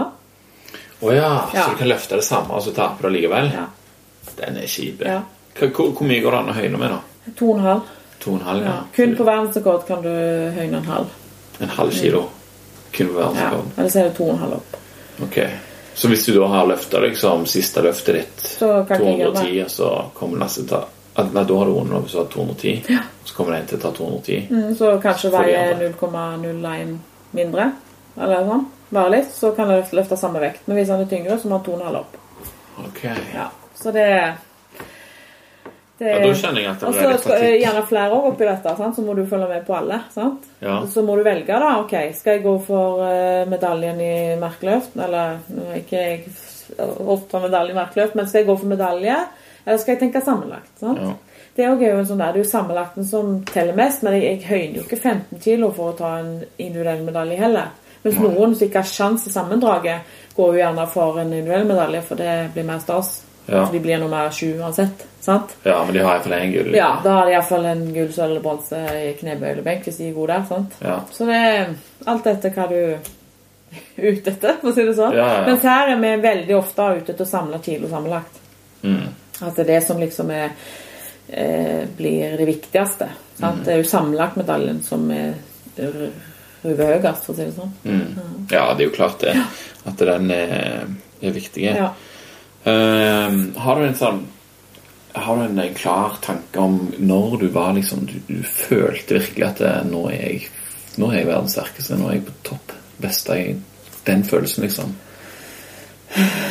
Ja Jeg har jo som sagt mye sølv og bronse. og Jeg ble verdensmester én gang. Og det var som junior. Det året der var helt eh, Siste år som junior. Skulle være med på alt. sant? Skulle være med på junior-EM, junior-VM, junior Nordic. Får med alle mesterskapene for det siste gang. Og så var det jo VM på hjemmebane. Senior-VM på hjemmebane det året. Og du, vi får ofte, hvis du er siste års junior kvalifisert, så får du være med på VM senior siste året som junior. Ok, Og hvor gammel er du da? 23. Å ja, det Ja, er såpass. det er høy junioralder i styrkeløft. For det, det, jo, det henger jo litt sammen med at styrke tar tid. Ja, ja, ja. Det, det er ikke noe som er gjort over natta. Så du er ungdom til du er 18, så er du junior mellom 18 og 23, og så er du senior fra 23 til 40, og så er du eh, veteran. Etter 40. Yngre veteran, så er du eldre veteran når du er 50, så er du superveteran når du er 70. Okay. Ja, så det er liksom det er håp for alle. Ja, ja, ja. Vi har jo en på eh, landslaget nå som har morfar over, over 70, og han er på en Ja. liksom For det er jo enormt bra med å altså, eh, altså konkurrere er én ting, men å drive med Styrke, styrketrening er jo veldig viktig for alderdommen. Ja, sinnssykt viktig. Kanskje ikke tynner det like mye så, som Nei, jeg gjør, men uh, styrke er, Og det er jo det mange Det er òg føler det har eksplodert for eldre, f.eks. Det er jo Mm. eh, superveteraner og eldre veteraner. De junger jo rundt på mesterskapene for tida. De syns jo det er så kjekt òg, vet du. Ja, er tilbake, Ja, virkelig. Ja. Jeg tror ikke jeg holder på når jeg er 70, men det har kanskje noe med at jeg begynte da jeg var 13. Altså, det er jo mange som begynner når de er eldre. Ja. Sant? Så, og så er det jo det Mange idretter er jo sånn ja, når du bikker 30, så er du nesten ferdig. Fotballspillerne, liksom. De er jo utdatert innen de blir 32. Ja, Mens vi blir jo egentlig. Nei. vi blir jo bare sterkere og sterkere. Sant? Ja. Altså hva er en sånn typisk toppalder, da? Nei Nå har vi jo hatt Mestvinneren i Norge er jo Inga Blikra. Og hun har jo over 100 internasjonale medaljer. Hun var vel 50 nå når hun hun var på benk. Hun gikk fra styrkeløftslag, så var vi på benk litt til, for hun begynte jo å slite litt med kroppen. Men eh, 50, altså. Mm. Og da jeg snakker vi topp nivå. Da snakker vi ikke veteran-VM. sant? Altså Hun var med på Åpenlandslaget. Blikra, det høres ut som hun er fra Grendal. Nei, faktisk fra Mo, eller hun er fra Østlandet, men hun representerer Mo i Rana, da. Eller Rana KK. Såpass, så, ja. Så har hun gener fra Blikra har her, da. og, Så. og det er derfor, ja. Mo i Rana, der har de jo eh, jernsmelteverk. Ja. Så det passer jo ja, det gjør det. det, gjør det. Så Lurer på hvordan den jernbua ser ut. heftige saker. Ja. Eh, men nå eh, har du jo eh, hatt eh, nummer to, Mm. Men du trener for det. Er det noe spesielt du trener mot nå? Ja, eh, det er liksom eh, det O store neste år. Jeg, vet, jeg tør ikke helt å slippe det, men eh, det, World Games er jo for oss som ikke er OL-grein, da. Det er liksom det største Ja. vi kan oppleve. Og så har jeg vært veldig uheldig. Du må på VM året før World Games, og du må bli topp tre. Men hva, hva er World Games, da? Det er på en måte OL for ikke-OL-idretter. Og det er ganske mange idretter som ikke er OL-grein. Så det er på en måte det største vi kan. Det er hvert fjerde år bare. Det er jo det som er Er, er det sånn annethvert i forhold til OL, eller er det Nei Ja, mm.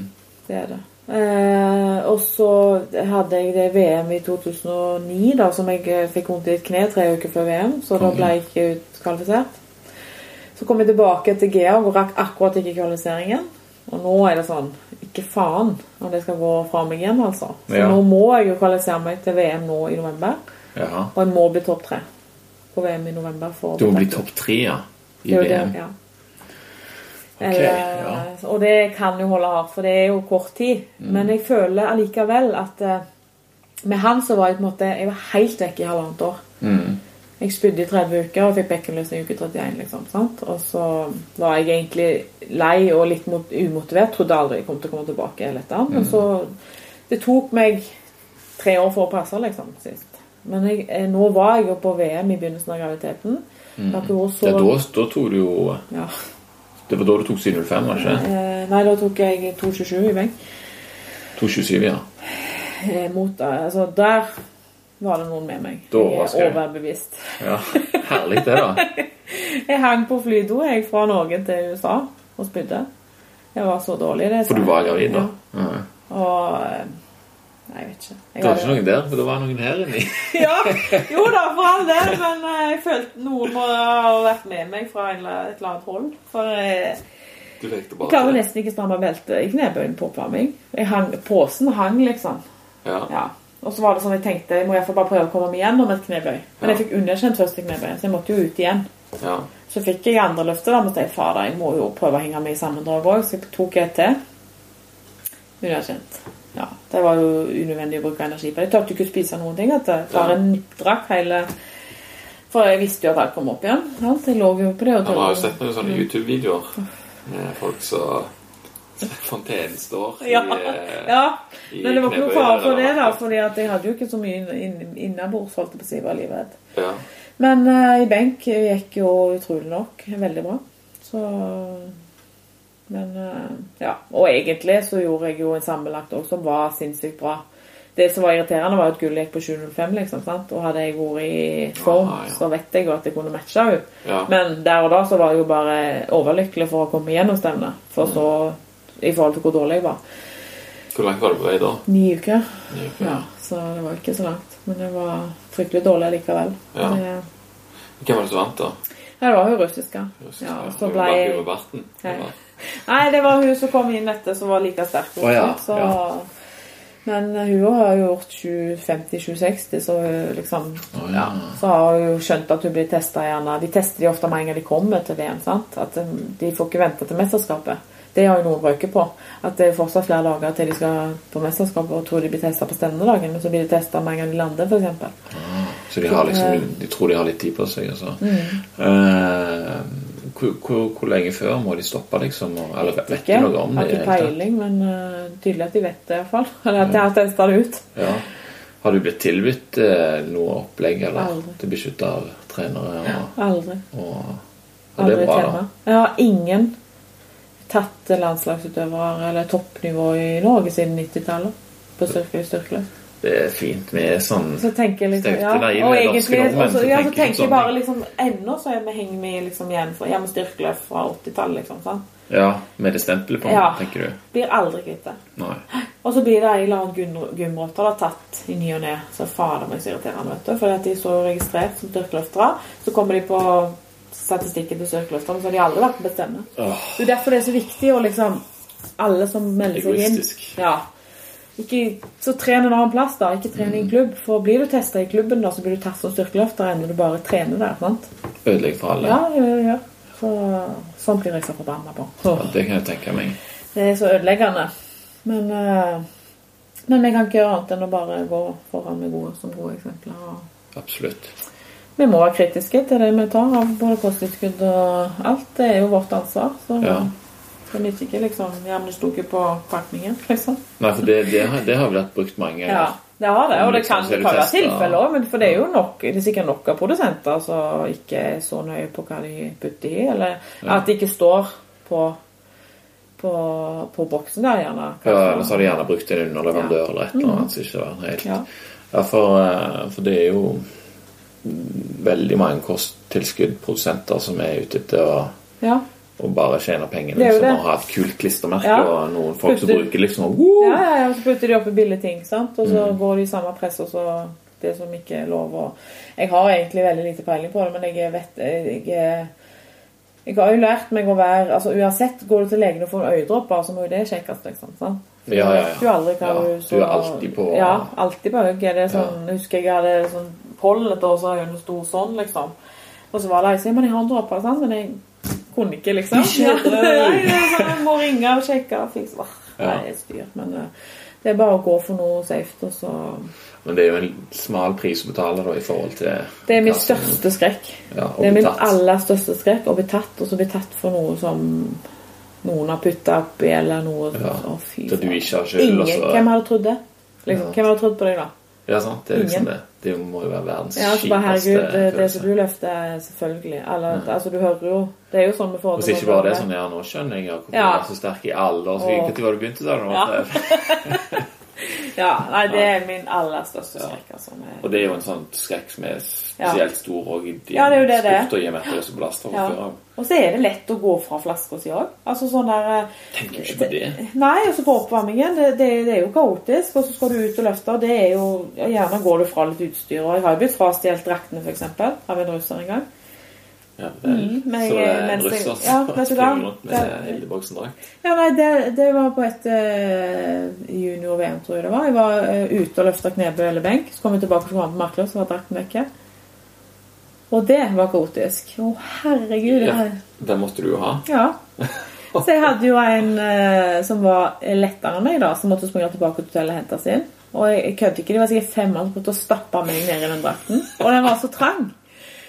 Og det var så vondt. Og jeg husker, jeg har ennå det der bildet, for når jeg kom ut på plattingen, og jeg bare, jeg vagga bare, liksom. Ja. Jeg måtte gå sidelengs. Da snakker vi ja, kompresjonsutstyr. det snakker vi skikkelig. Så det var liksom bare sånn det. Ja. Og det var liksom så vidt jeg kom ned til stranga, sant? for den var jo så strang. Å, fy faen. Jeg fant ut hvem det var da, tror jeg. Eller hvem som gikk og snuste der. Og, men det er sant. Sånne Ja. ting som vi tenker ikke på når vi er på NM. Det florerer jo med alt av utstyr, belter og sant. Du tenker ikke på det. Nei. Men de der, vet du. Det er ikke for katt. Ja, for de eh, kan Er det sånn at liksom de vil sabotere, kanskje, hvis de får Ja, enten det, eller at det det er dyrt med drakt, så vi tar en av de, liksom. Ja, det kan være hva som helst, egentlig. Ja. Så nei, det er mye rart som skjer. Men, eh, men akkurat det der med flasker prøver jo å være bevisst på at de alltid er med, da. sant? Mm. Er det en sånn ting, det? Ja, det, det skjedde jo en gang. Det var jo 80-90-tallet, men det har jo skjedd. Mm. At eh, det, noen har tatt noe i flasker til noen som ikke Ja. Så de sikkert ikke vil ha det lenger, eller så vil det skulle ryke, eller et eller annet. sant? Det er jo skrekkhistorie, og det er jo det er jo den store skrekken. Mm. Men så lenge det er reelt, så må en nesten ta hensyn til Ja, det er det, vet du. Og de minner jo på med sånn som noe antidopen Norge her òg, for det òg er litt sånn eh, Det har jo skjedd at noen manipulerer prøver, f.eks., er og tar i utlandet. For det er jo ikke samme Altså, antidopen Norge er jo så god på det, sant? Altså, De er i toppsjiktet. ja. Eh, og jeg tenker og de sier Bare husk nå, ikke gå fra urinen, f.eks., mens du gjør noe eller vasker hendene, eller sant? Det er sånn så Her tenker du ikke på det, men der bør du Vet det aldri. Det, og det òg er min sånn store skrekk er at noen klarer å bytte om to prøver, eller et eller annet sånt. For det er jo sånn at De tar jo med seg blodet mitt og. Hvor blir det av, liksom? Hvem Mm. Blir jo paranoid. Og Ja. iallfall når du er, kommer med kontrollører som gjerne ikke snakker så godt engelsk. Og alltid med meg ledsager på prøver i utlandet. Det har jeg lært meg nå. Som, som er litt påpasselig å følge med, og at alt blir gjort i, i, i rutinen, liksom. For eh, det er lett å bli naiv. Og vi er jo, blir jo fort det Norge vi er vane med at alt er på G. sant? Så det, det måtte vært eh, en stor skrekk, altså. Ja. Nei, å satse på det. Ikke så. Nei, det er bare å være pålogga. Ja. Det må være det. Ja. Eh, jeg må bare spørre om du har noe som helst Om du kjenner til eller har noe slags forhold til han eh, Åh, nå må jeg se. Hva han heter nå igjen? En sånn fede fyr på, som eh, har sånn YouTube-side. Nei, eh, Facebook-side. Ja. Han, eh, han er litt sånn gammel. han Torkel Ravndal. ja. Han? Jeg jeg- vet ikke hvorfor jeg glemte navnet. alle har jo Vet jo hvem han er. Ja. Eller sånn. Men jeg Alle har styrkeløft. Ja. Ja. Han var jo en legende, liksom. Og han er jo det. Ja, han er det. han, er, han er en legende. Det er enkelt og greit. Men uh, Så eh, Jeg tror nesten folk ikke vet hva styrkeløft er, snakk om han. Altså, Ja. husker, Når jeg trener den der nede òg, så er det jo alltid noe som Men jeg husker han Torkel Kramdal. ja, han. han dro et fly. Ja, han dro et fly og fire ganger markløft og ja. Ja. Men uh, jeg har ikke noe Det var jo såpass lenge før tid, liksom, så det er ikke annet enn at folk Det er legenden, Ja. liksom. Ja, Ja, er, for de som vil sjekke det ut, så er det den der Bare søker på Facebook, så Ja. er det en sånn kul side der der det ligger masse sånne festeklipp klipp fra TV Vest og sånt. Der det er sånn Ja Steinar kan spise til frokost, for Ja. Sånn to brød og fire liter melk og en 8, 10, 15, 12, 20 egg. Det er helt enormt. Så går det tre timer, og så er det på'n igjen med det samme der. Og det er egentlig det som er mest krevende med dette jeg holder på med. Det er spise og sove hele tida. Nei, jeg tror ikke det finnes noen av de som spiser de mengdene. Nei. Så jeg... Men i den tida så var det jo mye doping òg, da. ja, jeg tror ikke det hadde gått helt eh, glatt gjennom i dag, for å si det sånn. Nei. Nei. Men han var jo litt mer sånn showman, da. Ja da, det var jo Det er jo mer eh, for, eh, det vi kanskje kaller strongman i dag. Ja, ja, så, ja, ja, ja. Det blir jo det. det blir det. Ja. Så det er jo mer det enn eh, Det er jo derfor folk husker den òg, sant? ja. Så var det festlig i kjeften òg, da. Ja. Husker jeg var intervjuet han der, han der gamle til Vestmann, vet du. ja. Og så eh, var det at han ville til USA nå, eller et eller annet, og, sånt, og han var så skuffa. 'Nei, det er ingen som kommer til å se, kommer og ser på meg lenger.' Jeg er jo eh, Ja, men hva er det de skal komme og se på, da? Nei, eh, jeg kan jo alt.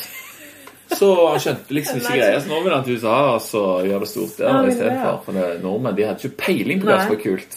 Jeg eh, husker han fra TVS som uh, Han har vært mye her inne. Ja. Og jeg har snakket mye med han når jeg bodde i Stavanger òg. Han snakker alltid om Torkil Randal. Og han gjør det, han òg, ja.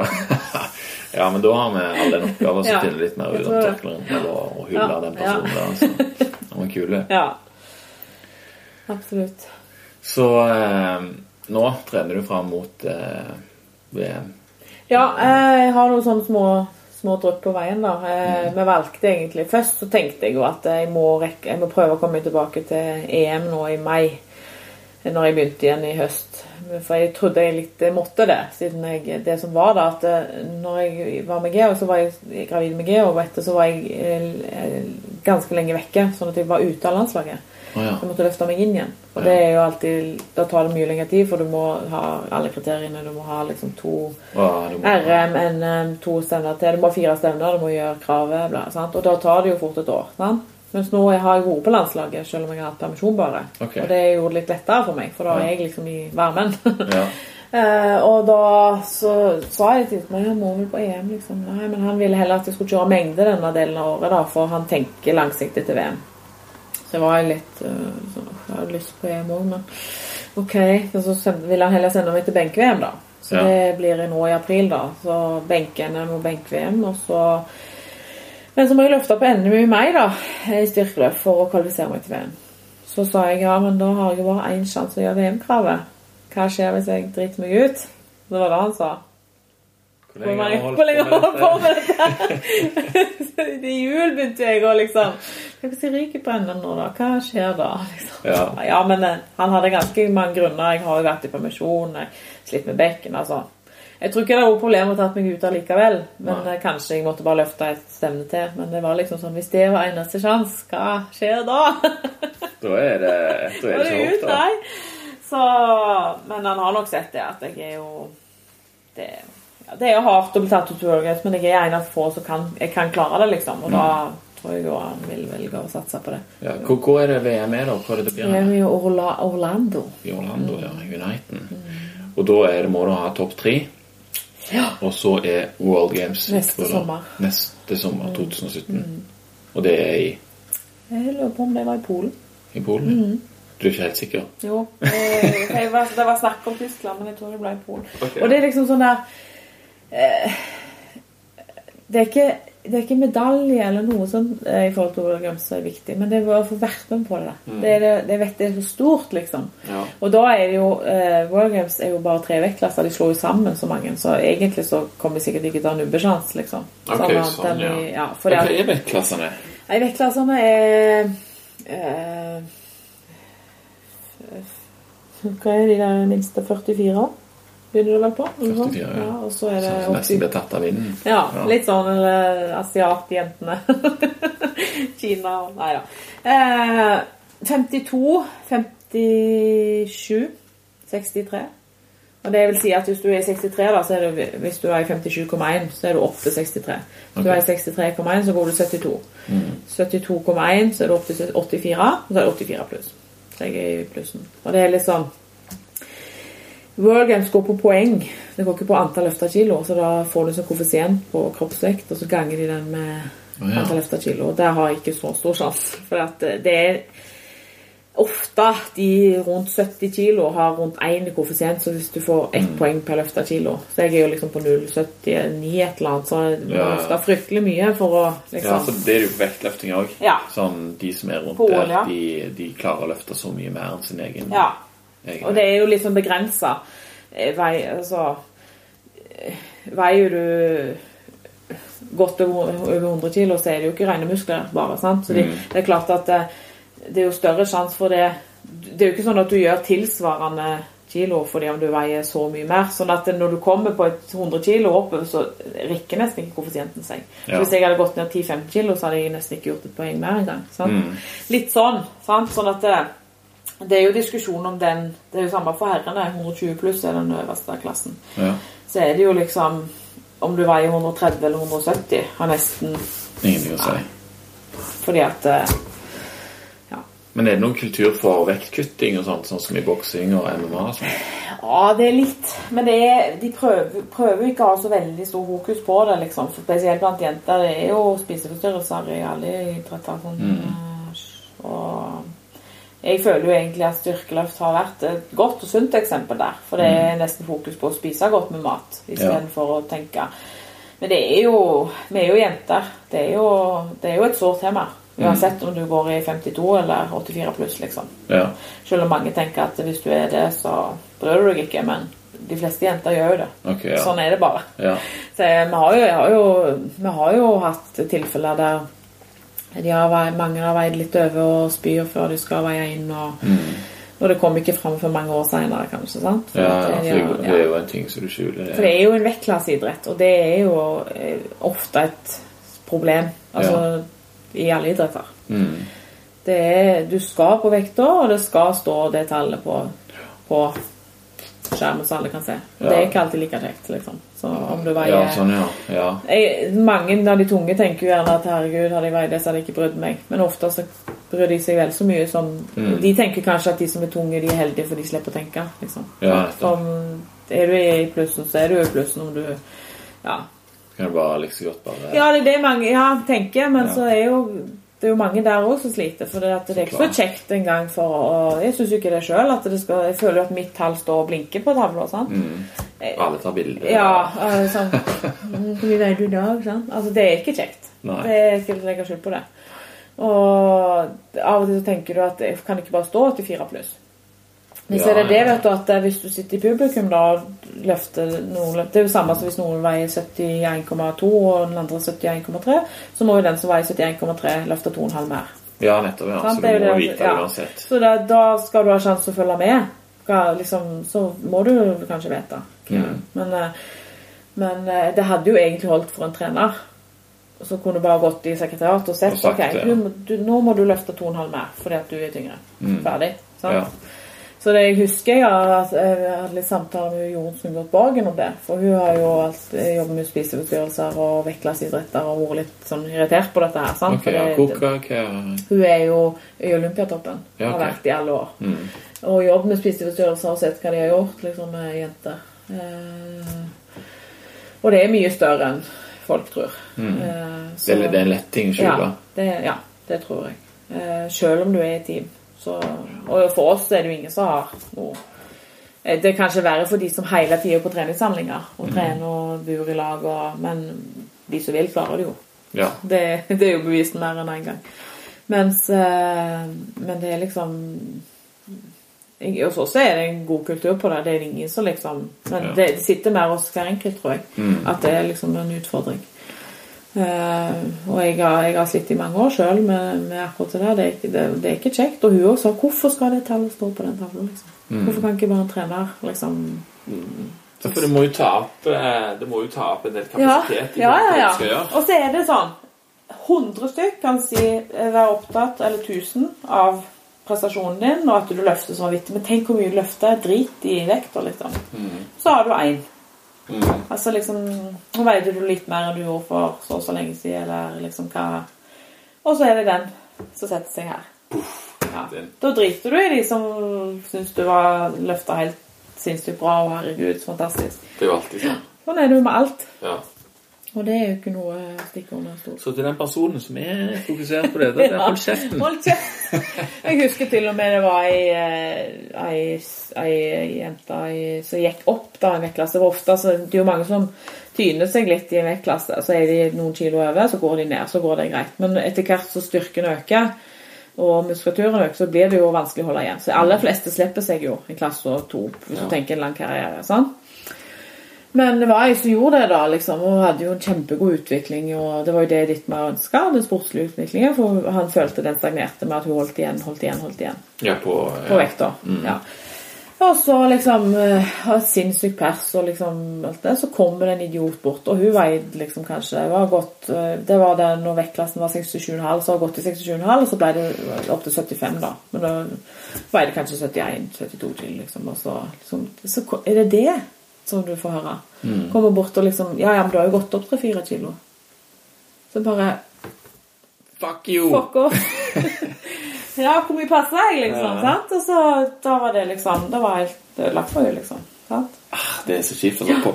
Folk er for uh, løssleppne ofte Ja. altså, i kjeften. Ja. Og skjønner ikke hva konsekvenser om, det om er. du tenker, da, så hold nå iallfall kjeft, tenker jeg. Ja, og være noe ja, glad sant, på den personen sin vegne. Hva, hva, oppnår, hva tror du at du oppnår med å gå bort og si det til en person? Ja. Og da sa hun liksom til meg òg, husker jeg etterpå, at åh, jeg, jeg kan tenke meg hvordan du har det, for jeg har, har slitt med det i mange år. Mm. Det med liksom eh, Og da ble det jo sånn Hva mener du? Ja. Ja, ja, ja, ja. Det er selvfølgelig, men liksom, øh, nå skjønner jeg hvordan du liksom har det. For hun sleit da med at den vekta sto der, liksom. Bare Ja. at du hadde gått opp de kiloene der, liksom. Og Ja. så liksom, ja, liksom går i plussen, og kanskje enda verre. Men. Det er jo selvfølgelig folk også som ikke tenker seg om. Det er det. Og det, Men, det er ikke alltid det er vondt meint. Nei. Men det, det opptas jo sånn. Altså, Mm. det er jo sånn du tar det, liksom. Ja. Så greit å være litt obs. Det er det. Ja. Bare øh, det du ikke Spør noen andre. Noen helt vanlige folk. Ja. ja. Ja, ja, det kan jo være de syns det er like kjipt, det. ja. Ja. Nei. Men jeg, nei, for eh, jeg snakket med noen MMA-gutter eh, i Haugesund her for litt Ja. siden, og de er jo veldig De kutter jo voldsomt. Ja. Men har ikke de innveiing ganske lang tid før? Nei. Å nei. Da, eh, det er det lengste, tror jeg, dagen før. Ja. Og så er det noen ganger er det samme dagen òg. Ja.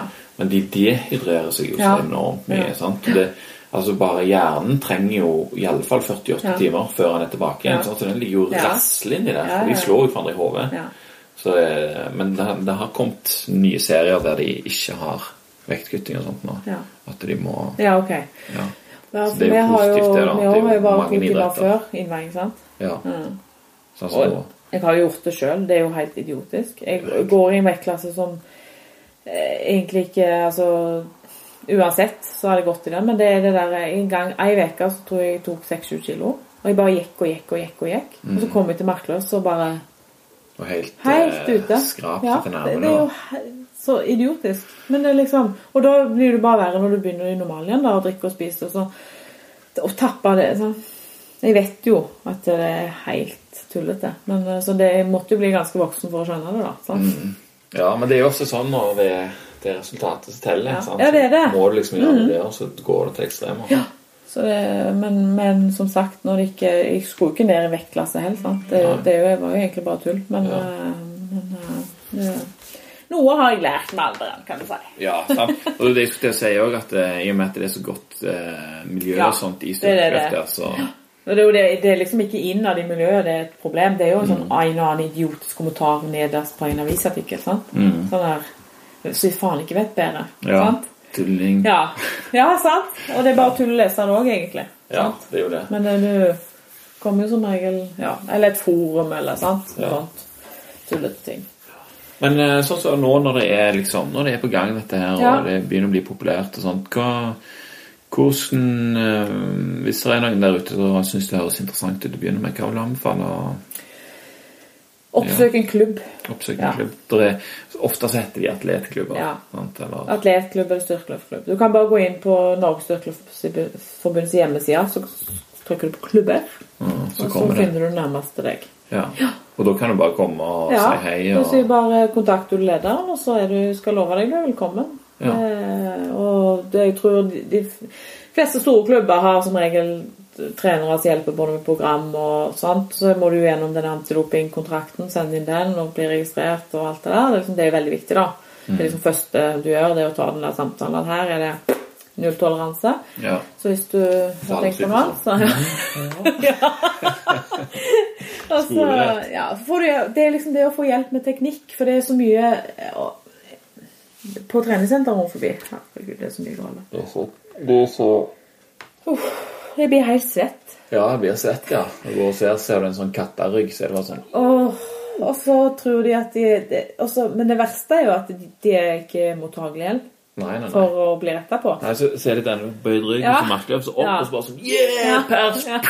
Og så bare sånn Hiv på litt deg! Ja. Og sånn, så er det bare sånn Men spesielt mannfolk, da, syns jeg, eller ungdommer, og veldig mye ungdommer òg nå, som er uvitende. Jeg Ja. ser bare til og med her, altså lille Sauda, liksom, men det Mm. Jeg må ha kreatin før jeg kan begynne å trene. Sånne ting som det. Det, det, det syns jeg Jeg har spist kreatin sjøl, jeg òg, når jeg var sånn 16 år. Ja, ja. Liksom, «Ah, jeg hadde hørt om det, liksom. Eller var kanskje litt eldre da. Men proteinpulver og kreatin, det er liksom det viktigste. Og så er det før de begynner å trene helst, liksom. Og så vet de ikke hva trening er. Det er ikke tatt i en stang, eller eh, vet eh, hva de skal trene for. Sant? og så er det sånn. Det er så snevert, liksom. Det er Ja. bare meg. Og så hver trening som mm, prøver å makse. Mm. Hver eneste Ja, trening. og så med litt hjelp. Det, det, det er bra. Ja, det er fint. Og så restituere med skoleboller Ja. litt god. Skole, det er akkurat, akkurat å si det. Skoleboller, litt av god, og så kreatin og protein. Ja. Trening. Og fylt av kveser og Ja, ja. alt bare pff. Men Nei, eh, uff, det er, det, men det er jo en, det er jo en tapt kamp for treningssenteret nå, nesten. det er jo det. Det er jo det. Det er akkurat som i Saudahallen sånn Nei, dere må dusje uten badetøy. Ja. ja, lykke til. Ja, faktisk. Det er litt samme greia. Noen skjønner det selvfølgelig, men Ja, ja. de som ikke skjønner det, det er bare sånn Ja. Hæ? Er det ikke lov å ha underbukser under? Hæ? Det, det blir aldri, går aldri gjøre. Nei. Det henger opp aldri så mange plakater. Nei, det, det er det. Men det er liksom i en klubb så, så er du på en måte litt mer i trygge hender, og folk Mm. har litt peiling og øh, retter på teknikk, og du får hjelp med litt treningsprogram. og Se på Klubber har jo eksplodert rundt forbi. Det er jo eh, Rogaland generelt. Nå er jo bare meg som er aktiverende da, per dags dato. Har jo kjekt Mm. å få til noe. Men eh, så Haugaland, for eksempel, de har jo vokst enormt. Ja, de eh, Haugaland atletklubb, de var jo ingenting. Nei, de begynte så vidt de nede ned der, eh, der jeg jobber Ja. på Krosset Haugesund. Ja. En liten krok der, men så flytta de bort til Havshallen. Ja. Og det har jo bare pff, Ja, De er jo masse helt- jenter og Ja, knallflinke, skikkelig sterke folk altså, som gjør det godt. De har fått det til, de, altså. Ja, så det, det er jo masse sånne Hvis noen er nysgjerrige, så er det jo masse sånne Facebook-grupper Ja, så. og, og sider og sånn. Så Du du kan gå inn og se de legger ut filmer, og liksom Du får en liten sånn peiling på Og så er det lavterskel. Men det som er så dumt, er at det, veldig mange, f.eks. med stevner, har vært litt sånn at det, nå er det kommet seg litt, men før Jeg må løfte så så mye for å være med, liksom. Mm. Men det er jo, altså, det er jo kje- ingenting som er kjekkere enn å bare være med og gjøre lett, og så neste gang så gjør du kjempepers. Motivasjonen er jo sant? Den kommer jo gratis. Sant? Ja, så. Du, det, styrkeløft, styrke generelt, er jo så målbart. Ja, det Det er er jo ingen idrett som er mer målbar. og Det er liksom enkelt og greit. Jeg løfter mer enn sist. Klarte liksom. det, Ja. altså? Ja. Ok, Hva kan jeg endre på treningsprogrammet for å gjøre det bedre eller det bedre? sant? Ja. Så kontra andre idretter, så, eller flere andre idretter, så er det veldig målbart og lett å gjøre noe med. ja. Så det er det. Oppsøk klubb, og så tenk teknikk. Og der føler jeg jentene er et hakk foran guttene. For det Et hakk. noen hakk. Det er så stor forskjell. Ikke bare teknikk, men eh, guttene skal ha vektene på. Ja, altså Jeg skjønner jo det òg. Det, det er jo litt mer Altså Gutter er mer Ja, sånn. ja, sant? det er jo mer det. eh, liksom, Jenter er ofte mye mer nøyne og sånt. Ja. Du vil ha teknikken på plass før vekta skal opp Ja. og sånt, men, Det Du det er kommer ikke så langt hvis vektene skal på før teknikken sitter. for å si det sånn. Du gjør ikke det. Altså Hvis du kommer plutselig litt langt, da, så, så får du et eller annet skade, Ja. og så er du milevis Ja. bak med en gang. Ja. Men det, det er jo Jeg prøver å si det så ofte som mulig, så, og det gjør mange andre òg, som har peiling, liksom, Ja. at det, det må teknikken på først, så du, vil jo bli bedre. Ja. Det vil jo alltid være folk ja, selvfølgelig bare hiver på og sånt, men eh, det, er- det er på vei fram, iallfall. Ja, det, og det har kommet seg en hel del. Men det er liksom disse her gymrottene, som jeg kaller de. Gymrottene, ja. Kan, kan du gå og male et bilde av den ultimate gymrotta? Komme på trening. Kom på trening, og så Nei, bare gå det bort, bort til stanga og bare begynne å lesse på. liksom. Det trenger ikke være med opp noe særlig, liksom. Og så samme hvordan vekta kommer opp, bare komme opp. Ja. Om liksom foten eller om noe løftes og spredt og opp med rumpa og liksom Det samme. Det er pers. Ja. Pers, det er det som teller. Ja, og må, det, det er ikke så nøye om, om eh, reglene er på plass, eller eh, sier du trenger ikke følge styrkeløftreglene, men liksom Jeg trodde du sa det var Press målbart. Jeg. Ja. Men du får deg en smekk hvis du skal legge rumpa ned og den ned og ta stå på brystet. Hvis Ja. du har drevet og spretta i lang tid. Mm. Da blir persen litt mindre plutselig. han blir det. Ja. Også med shakeren der, Ja, og, ja, ja. ja. Det er viktig. Kreatin og shaken. og så uh, skolebollene. Ja. Skolebollene. De, det er spesielt i storfri, da. På, Ja. på skolen. Jeg har vokst opp på det sjøl, så Du har ja? ja, to Dobbeltpakke med skoleboller og lite god, og litt smågodt. Det var tid lærte du hva, hva skjedde med deg? Ja, det var et godt spørsmål. Jeg vet ikke. Det var, jeg tror det var sånn For jeg hadde alltid sånn at jeg kunne spise akkurat hva jeg ville Ja, okay. liksom. Ja. Så, så for eh, prestasjon og sånn, så følte jeg ikke det hadde så mye å si. Men når jeg begynte å merke at jeg kunne gjøre noe med humøret mitt, Ja. og hvordan jeg uh, opptrådde når jeg var sulten, for Ja, ja, ja, ja. da var det motivasjon egentlig til å Når blodsukkeret plutselig dalte igjen. ja, så jeg var så, jeg ble så hissig og ekkel og sur eh, med folk at det, det var helt fælt, egentlig. Så, så jeg prøvde jo selvfølgelig å kontrollere det, da, men sant, når det var militær, eksempel, så var det liksom OK, Stui eh, har ikke spist. Har du en sjokolade, liksom? Du har kjent på det, rett og slett. Ja, det var nesten sånn. Eh, men eh, Så det har jo Det Ja. var liksom det som Ja, men du snudde jo ikke bare litt, tenker jeg. Du har jo fått en forkjærlighet for eh, Ja, absolutt. Ja. Og det går, det går mye på hva du finner ut funker. Ja. Altså hvis, jeg, hvis jeg, jeg prøver nye ting hele veien, jeg. Mm. og hvis en ting funker såpass bra at jeg fortsetter med den, så blir det etter så så lang tid så er det bare en del av vanen. liksom. Ja. Og så blir det flere og flere sånne ting. Ja.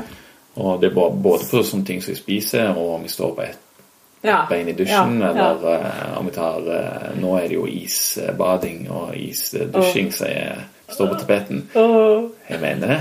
Du, eh, du til å digge det. Oh. Bli med en tur i Sauðafjorden en dag. dag. nei, er du gal? Det er ennå ganske kaldt. Ja, lenge kaldt. Ja. Men før var jeg eh, helt vanvittig på kaldt vann. Altså, de, de måtte plukke meg opp fra elva på hytta, liksom, opp på buer. Og jeg, uansett hvor kaldt det var. Men herlighet, nå er jeg så pyssete. Du har det i deg. Du må hente det fram. Uff.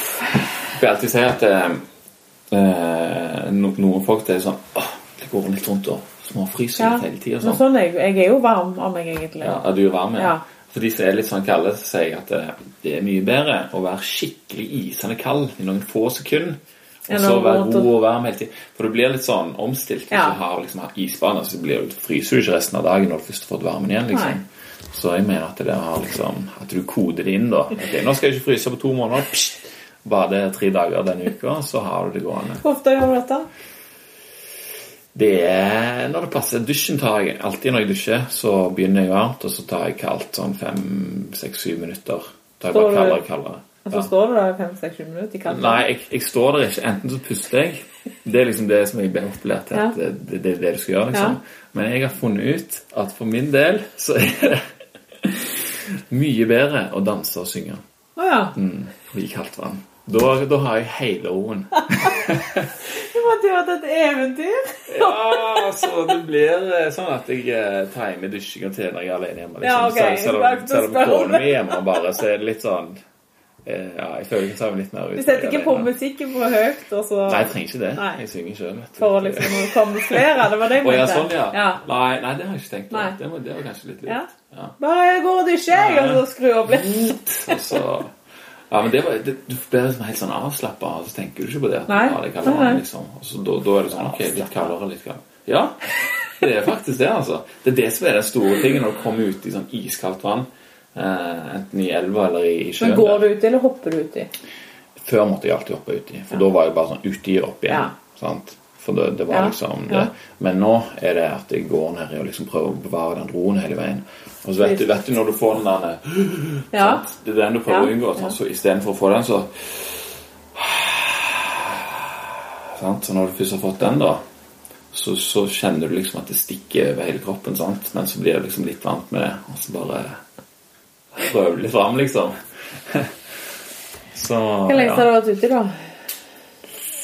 Det er en eh, Jeg var ute i Søndafjorden her for noen uker siden. I, da var det tre minutter. En sånn svømmetur. Men det var litt dumt gjort òg, for jeg var alene, vet du. Så ikke gjør det, folkens. Nei. Nei, Eh, men, eh, men når jeg er i elva og sånt, det, Ja. da er det litt kaldere, for da Ja. renner jo vannet. Ja. Men eh, da er det litt tryggere å være alene, for da er det, det er ikke så djupt, kan du si. Jeg finner meg bare stein der jeg klamrer meg fast. Men sant, så da, hvis jeg ligger på magen, da, så får jeg alltid kalde vannet rett på Ja. halsen. Jeg har så tynn hud, så det blir sånn dødsvondt, så jeg må liksom legge meg litt bak og snu meg litt sånn. Men da er det sånn to-tre minutter. Det klarer jeg når det er sånn is, isende galt. Og da har jeg gjerne vært i badstua først. Det hjelper litt. På forhånd? Ja. Blir ikke det kontrasten litt for stor, da? Mm, ja, jeg vet ikke. Han blir jo stor, men uh, jeg- Er det ikke bedre å badstue etterpå? Hæ? Er ikke bedre å badstue etterpå?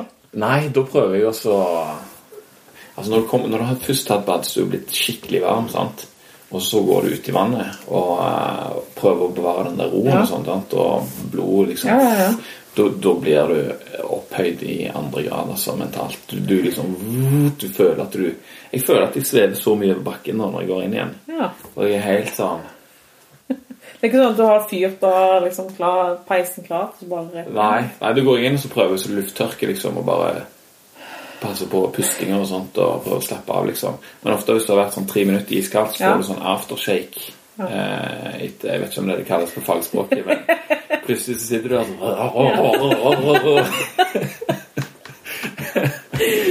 men, eh, men etterpå da, da er du jo helt konge. Ja. Ja, jeg sover veldig godt og Ja. jeg føler det, jeg føler det har noe for seg. Ja. Da, det bør du jo ha, da, spør du meg, hvis du fortsetter med det. Ja, ja men sant, da, da er det liksom det. Ok, prøve det litt, grann, og så, og så ser. Så jeg begynte jo i høst, da. Så begynte jo ikke helt på iskaldt. Nei. Så heldigvis fikk jeg høre om litt før. Ja. Før det ble vinter. Ja, Men nå har jeg jo holdt det jevnt, liksom. Så blir det sånn kanskje to ganger i uka med bading og så dusjing. Ja. Mm, Sånn, ja. Hver gang jeg dusjer, da. Ja, Om det blir, ja, du, ja ok. om det blir Jeg skal ikke si hvor ofte jeg dusjer. Men eh, du må gjerne bli med på det en dag, altså. Jeg prøver jo så å få til at eh, at du det skulle vært ei utendørs badstue en plass. Enten med elva Ja. eller opp med Rødskjødner f.eks. Ja. Sånn eh, Badstuens venner. Ja. At eh, de som liker det, liksom kan Ja, ja, ja. De fleste som jeg nevner for, er veldig sånn ah, det kunne vært gøy. For det er jo damer og sånt som så bader Ja. her i bygda òg. Ja, ok. Så et miljø. Ja, kanskje det er på samme nivå som Styrkeløs var for 15 ja år siden. kanskje. Kanskje det er liksom en start i startgropa. Ja. Ja. Men jeg kan tenke meg, kanskje det er det som er hemmeligheten til russerne og ukrainerne. De isbader mye. Ja, må ikke prøve. Nei, men eh, et isbad, det, det kan jeg iallfall absolutt anbefale. Tenk på det. Mm, tenk veldig grundig på det, Ja. så kommer jeg til å invitere deg hver Ja. gang. Men eh, jeg husker første gangen jeg hørte at eh, verdens sterkeste jente var i Søla. Det var nede på Manila. Og du var der, og jeg var der, kona mi var der. Det er sikkert ti år siden. Og jeg husker det første jeg tenkte, det var sånn Det hadde vært kult hvis du hadde kunnet løfte meg. Helst over hodet. Men eh, det skjønner jeg jo at du ikke Ja. Men, men tror du at du kan løfte meg nå? Bare løfte meg opp fra bakken, liksom, sånn at jeg kan si at jeg har blitt løfta av verdens sterkeste Ja, det kan jeg, men jeg, ikke på strak arm over hodet. Nei, nei, nei, nei. Jeg tenker sånn Strak arm over hodet, det hadde vært best. Ja. Eller sånn i, i armen. Sånn, det hadde vært annet best. Ja. Eller bare litt på gulvet. Det er tredje best, men Ja. det er jo veldig bra. Ok, ja, men det klarer jeg. Hva var taktikk, eller hva for Jeg tror jeg prøver den. Du prøver å prøve Ja. det? Da må jeg ta bilde, altså. Og det, det må jeg eh, Hvis det er greit. Ja, ja, ja. Ja. Kult. Jeg gleder meg til å kunne si dette til folk. Men det var litt ny, da. Manila og sånn, snakk om det. Så det har alltid vært den der Åh, skal vi ta håndbak? Skal ta håndbak, ja? Har du tatt mye håndbak? Nei. Det er et prinsipp jeg har. Okay, ja. Og så er det òg den der skrekken. Tenk å ringe til ditt og si Du, Ja. Jeg er blitt skada. eh, skada litt i albueleddet her. Ja, hva har du gjort, da? Jeg tok håndbak i fylla. På Manila. På Manila. Manila er forresten eh, den lokale for øyeblikket ikke fungerende Ikke fungerende. Ja, stemmer. Så jeg må ha en liten countdown. Hvor mye countdown trenger vi? Ti sekunder. Ti sekunder. Dette her, altså. Dette her. Bare, sett, sett knekk opp begge. Ja, ja, ja. ja. Ok, hvordan eh, Jeg må bare gjøre- Her? Sånn der, ja. Ja. Skal vi se. Vent litt. Grann. Jeg skal ta litt flere shots òg, i tilfelle multishot. Ok.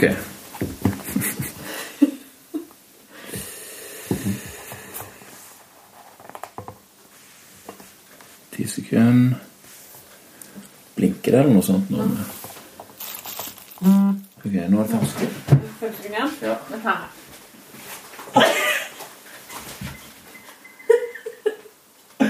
Klarer du å gå litt lenger bak? Jeg blir båret av verdens sterkeste. ok, kult. Du, du klarer jo å holde meg dødslenge. Ja, men det, jeg skulle bare hatt Der òg er de der lange, korte armene mine. Ja, ja. Det er liksom Jeg får ikke tak på noen når jeg har så korte armer. Skal vi se hvordan det ble. Tenk at min ti år gamle drøm er gått i oppfyllelse. Skal vi se hvordan det ble her. Hvis du hadde hatt balanse på stanga, så tror jeg du skulle klart å ha hatt deg på stanga altså.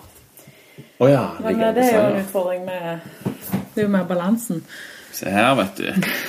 Fantastisk. Begge ser veldig glad ut. Ja. Det var litt nærmere. Der ser du Star Wars-buksa mi. Ja. Kanon. Nei, det var sporty. Og da har vi faktisk jobba i nesten en Ja. time og tre kvarter. Faktisk. Tida flyr, den. Det var veldig kjekt å, å snakke med deg. Ja, Da er du på besøk. Ja, så bra, Ja. da. Og så, um, og så, som du sier, så hadde det vært kjekt å få til noe sauda. Så jeg håper at, Ja, det det. eh, at sauda-kvinner i, i hele kommunen blir inspirerte til å ta en tur ned i jernbua og, og løfte litt jern. Eh, hvor kan vi følge med på, på ting som du holder på med? Har du noe Jeg har eh, ja, en Instagram-konto. Den prøver jeg å Den har jeg litt sånn Den er forbeholdt trening for det meste. Mhm. Det er liksom Ja. Eh, Jeg er ikke alltid like flink, men jeg prøver liksom når det skjer i hvert fall noe. Eh, og så Hva, hva, heter du da på Instagram? Hildeborg Hugdal, tror jeg bare. Hildeborg Hugdal. Ja. ja. Du finner sikkert hvis du søker. ja, du får, finner meg med. Ja. Så der kan du iallfall få litt eh, trenings... Eh, Føle litt med på Ja. hva som skjer. Og der skriver du sånn, eksempel Ja, nå er det tre uker til ja. Ja. En, eh, ofte hashtagger da når det nærmer seg et stevne, hvis det er noen Ja, ja, ja. tunge treninger og sånn. Og jeg er på tur, og så alltid når jeg er på stevne, som regel. Oppdatering og Mm. de tingene. Eh, og så Da kan du kanskje skrive sånn hvor det streames. Hvor Ja. du streamer Ja, alt det. Er jo veldig kjekt, da. Og det gjør jeg, det det? gjør jeg ofte Det gjør jeg på Facebook òg, da, hvis det Jeg har jo Jeg er egentlig jeg, litt, jeg har vært litt ukritisk til hvem jeg- er vennene mine der, liksom. Så, Ja. Men eh, derfor så er det òg ikke så mye privat så ofte. Men eh, Mm. jeg eh, legger som regel alltid ut link til når det nærmer seg. Fra styrkeloft.no som legges ut. og og det er jo, Hvis du følger Norges Styrkeløftforbund òg, så legger de alltid oppdatering på linkene til Mm. mesterskap og sånn. Ja, så styrkeløftforbundet.no. Er det det? Styrkeloft.no. Styrkeluft, ja, selvfølgelig. Eller Norges Styrkeløftforbund på Facebook, f.eks. Ja, Ja. da får du med deg det Ja, meste. aller meste. Mm, og hvis du skal finne deg en klubb eller Ja. se hvem andre Da går du inn på styrkeloft.no, da finner du under klubber, og så hva som er nærmest klubb til deg. og Der står det også kontaktperson og Ja. telefon. Og så helt til slutt, har du en ting, sånn generelle ting, tips eller livsfilosofi eller et eller annet som du vil dele?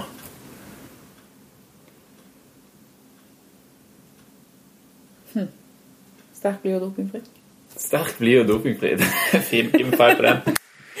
Yes, Da sier jeg tusen takk og masse lykke til videre. Vi følger med. Takk.